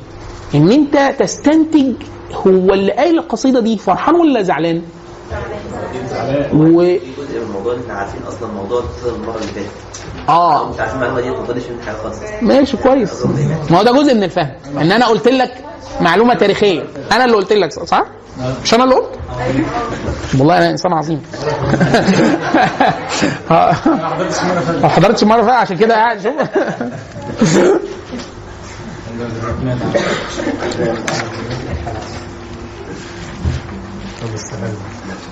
هي. حاجة حضرت حضرت المرة اللي فاتت معانا؟ عرفت القصة؟ آه آه شوف. ده ده بيسموه أعلى حاجة بقى. أحيانا فهم التذوقي أو الفهم النقدي.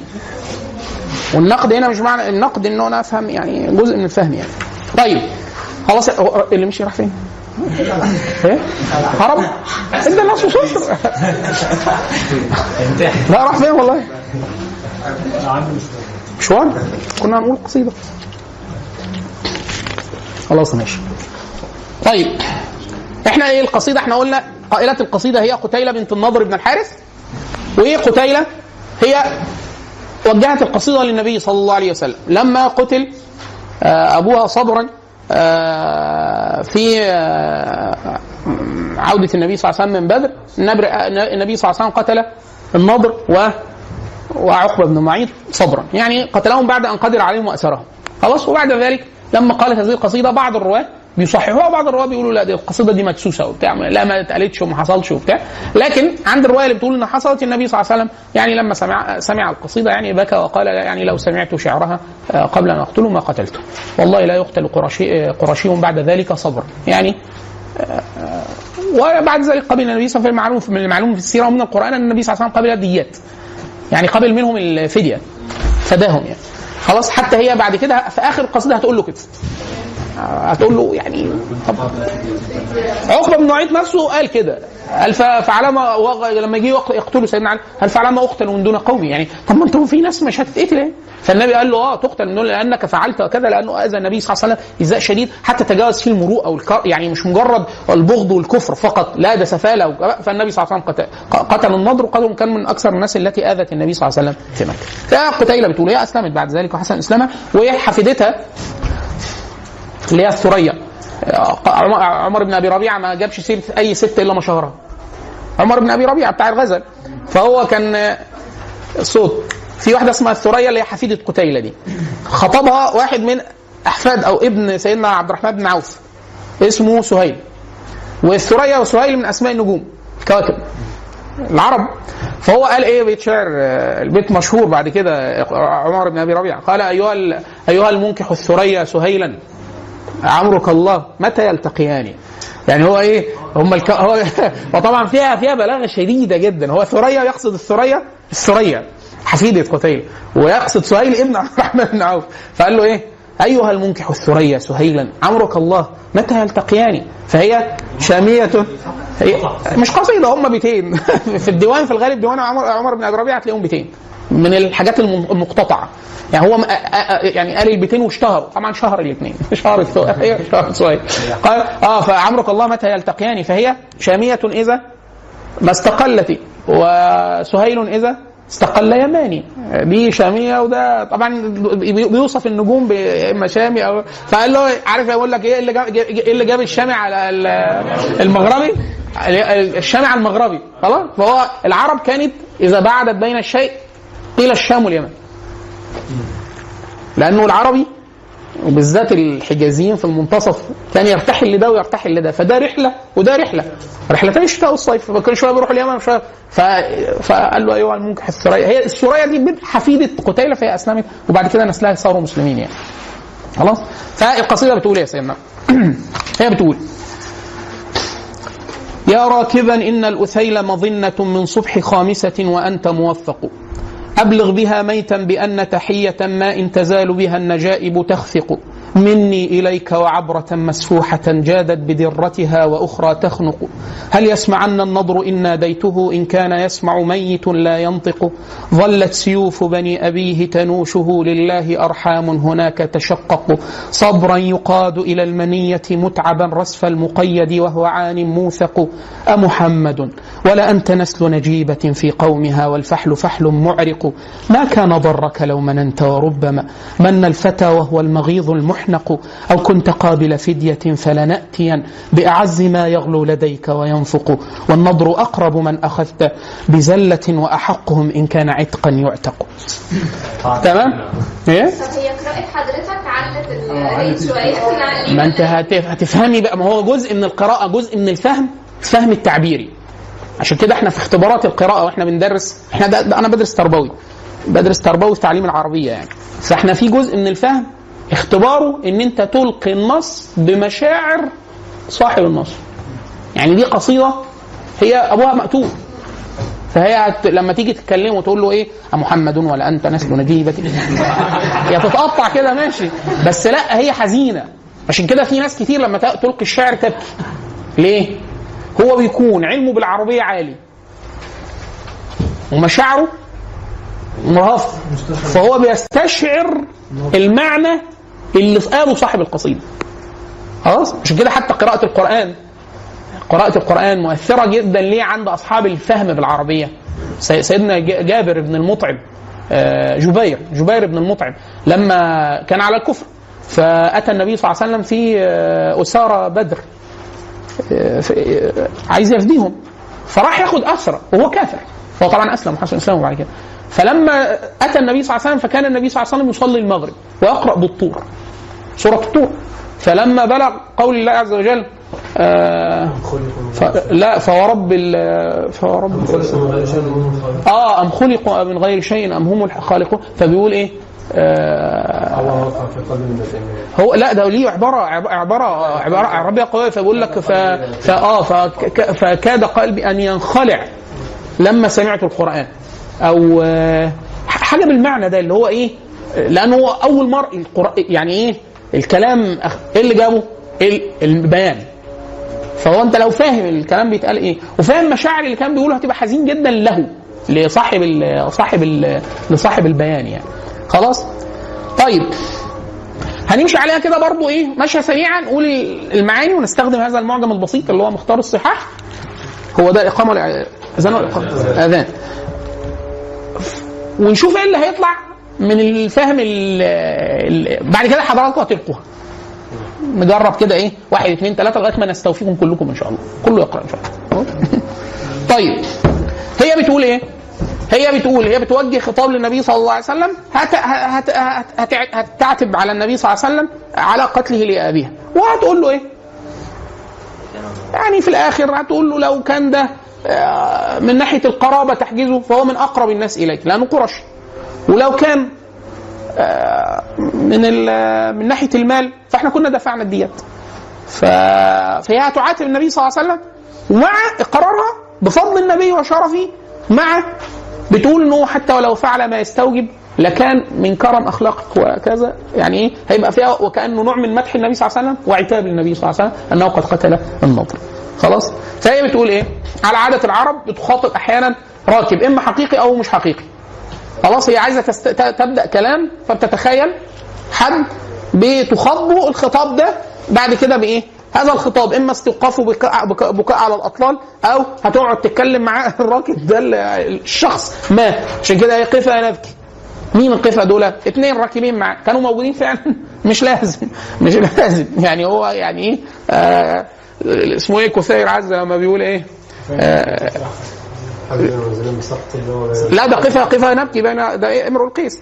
آه كسير عزة برضه في في في مستهل ال- يقول إيه؟ خليلي هذا ربع عزة فعقلا قالوا سيكون ثم ابكيا حيث حلت. خليلي. من اللي هم مين؟ فهو مش لازم يكون في حد. عارف انت لما يكون واحد يقول لك واحد بيكتب يقول لك إيه؟ أترى لو كذا كذا. فاحنا بنقول هو مين؟ بيكلم القارئ. هو عارفنا شخصيا؟ لا في قارئ في حد هيقرأ له صح؟ فبيخاطب واحد. العرب في عادتها كان في الغالب بتكلم نفرين. ليه نفرين؟ يقول لك في الغالب الواحد لما كان بيسافر يعني أقل حاجة يعتبر بيها جماعة كانوا على الأقل اثنين لأن هو في الغالب بيرتحلوا فهو على عادة المرتحل دائما. خلاص؟ أو الكلام مع الراكب مطلقا. حد رايح حتة وبعد كده بيتكلموا. فهي بدأت استهلت الكلام كده هو قتل في موضع. الموضع اسمه الأثيل. ما بين المدينة ووادي الصفراء. موضع النبي صلى الله عليه وسلم لما خرج قتلهم في بدر ماء قرب المدينة وهو خارج من من بدر الموضع اللي النبي وقف المشي ونزل دور فأمر علي بن أبي طالب فقتلهم النضر وعقبه فالموضع اللي قتل في- فيه ده موضع اسمه الأثيل. وإحنا قلنا الأثل شجرة تصغيرها أثيل. فالموضع ده اسمه كده اسمه الأثيل. فهي عارفة المكان فين؟ هي عارفة المكان؟ فين؟ فهي بتقول إيه؟ بتقول بتخاطب الراكب المتوهم ده بتقول له إيه؟ يا راكبا يعني واحد هيمشي. أدي شايفاه راكب ناقة. بتقول له إيه؟ هي هتبدأ عايزة تجيب هتتكلم عن أبوها. فبتقول إيه؟ إن الأثيل مظنة. إن الأثيل يعني المكان ده المظنة هو مكان الوجود. فمظنة كذا هو مكانه. ودي تيجي ظرف زمان أو ظرف مكان. يعني مكانه أو وقته. فإن الاثيل مض... وهنا في المعنى ده تحتمل ظرف الزمان وظرف المكان. بمعنى ظرف الزمان وظرف المكان. اللي هو إيه؟ إن الاثيل مظنة. يعني الاثيل تلاقيه فين؟ إن الاثيل مظنة من صبح خامسة. يعني أنت لو ماشي خمس أيام ليل صبح ليل صبح ليل صبح ليل صبح من صبح خامسة. يعني لما تمشي خمس أيام بلياليهم صبح الخامس. فيا إما صبح الخامس تصل إلى مظنة المكان فمكانه لو الظرف المكاني. أو الظرف الزماني. بعد خمس أيام زمنيا توصل. طب افرض أنا عمال بتمرقع في الطريق.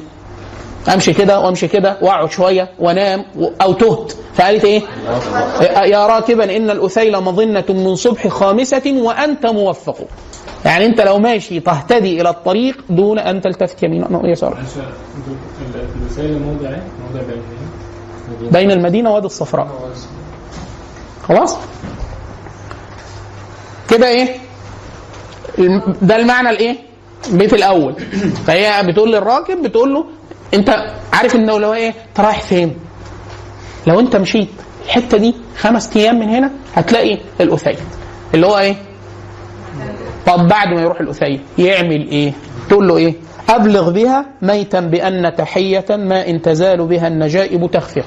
أبلغ بها ميتا اللي هو أبوها بان تحيه هي تبلغه إيه؟ تحية تبلغه مرة واحدة؟ لا ما إن- تزال يعني النجائب هي الكرام من الإبل النجيبة هي كرام الإبل يعني احسن أحسن حاجة في الإبل اللي عند العرب فالنجائب دي راحة جاية على المكان. اللي هو الخفقان. الخفق هو التردد أو الاضطراب. ويتقال تخفق وتخفق تخفق. وتخفق تخفق. يعني هذه التحية ما لا تزال تتردد بيني وبينه ما إن تزال بها النجائب تخفق. يعني كل ما فينا. كرائم الإبل اللي الناس بترتحل عليها كل ما هي راحة أو جاية من هذا الطريق فلتحمل إليه مني تحية. خلاص؟ أبلغ بها ميتا بأن تحية ما إن تزال بها النجائب تخفق. التحية دي إيه؟ مني إليك. بس كده؟ يعني هو هتبلغ إيه؟ تحية مني إليك وعبرة مسفوحة. يعني بلغوا حاجتين. تحية مني إليك وعبرة مسفوحة. العبرة هي الدمع. ومسفوحة يعني المهراقة ليه في في دمعة مش م- مهراقة؟ آه الدمعة المكتومة أو واحد انقطع بكاؤه وهو بيبكي وجف دمعه بس هو بيبكي فإيه؟ فدي كده عبرة مسفوحة فهي إيه؟ العبرة مسفوحة بس فبتقول له مني إليك وعبرة مسفوحة جادت بدرتها وأخرى تخنق جادت بدرتها يعني إيه؟ عارفين در اللبن؟ العين بتعمل حاجتين يا إما الدموع مسفوحة بتدرها والدرة هي الخشبة اللي بيضرب بها زي درة عمر بن الخطاب يقول لك فضربه أعلاه بالدره أو ضربه بالدره أو إيه؟ هي بتبعت له تحية والعبرة الدمعه المسفوحة. أنا واحد ببكي فدموعي مسفوحة أهي. جاد مين جت منين دي؟ جادت يعني آه، زي العين. العين يقول لك جادت بالماء أكنه بئر تم نزحه فطلع منه مية. الميه دي فإما العين طلعتها يعني مسفوحة جادت بدرتها يعني درت العين الدموع وأخرى تخنق. يعني إيه؟ عارف لما واحد يقول لك إيه؟ عارفة لما تبقي حمقانة؟ يعني في دموع بس ما بتنزلش. فهي بت... حتى لو استنفذت الدموع فهي بتبعت له تحية والعبرة المسفوحة والأخرى المخنوقة اللي هي العبرة برضه. خلاص؟ أبلغ بها ميتا بأن تحية ما إن تزال بها النجائب تخفق مني إليك وعبرة مسفوحة جادت بدرتها وأخرى تخنق؟ الدراء إما معناها العصا اللي بيضرب بها أو الدر اللي هو انسياب الدمع أو سكب الدمع جادت بسكبها جادت بإسالتها جادت جادت بدرتها وأخرى تخنق أي خلاص هنا بقى خلاص هو وصل وبعت له التحية فبتقول له إيه؟ طبعا بعد ما بعت التحية بعد كده هت- هت- هتتشحسف شوية هتقول إيه؟ آه يلا سبحانك الله سبحانك اللهم وبحمدك أشهد أن لا إله إلا أنت أستغفرك وأتوب إليك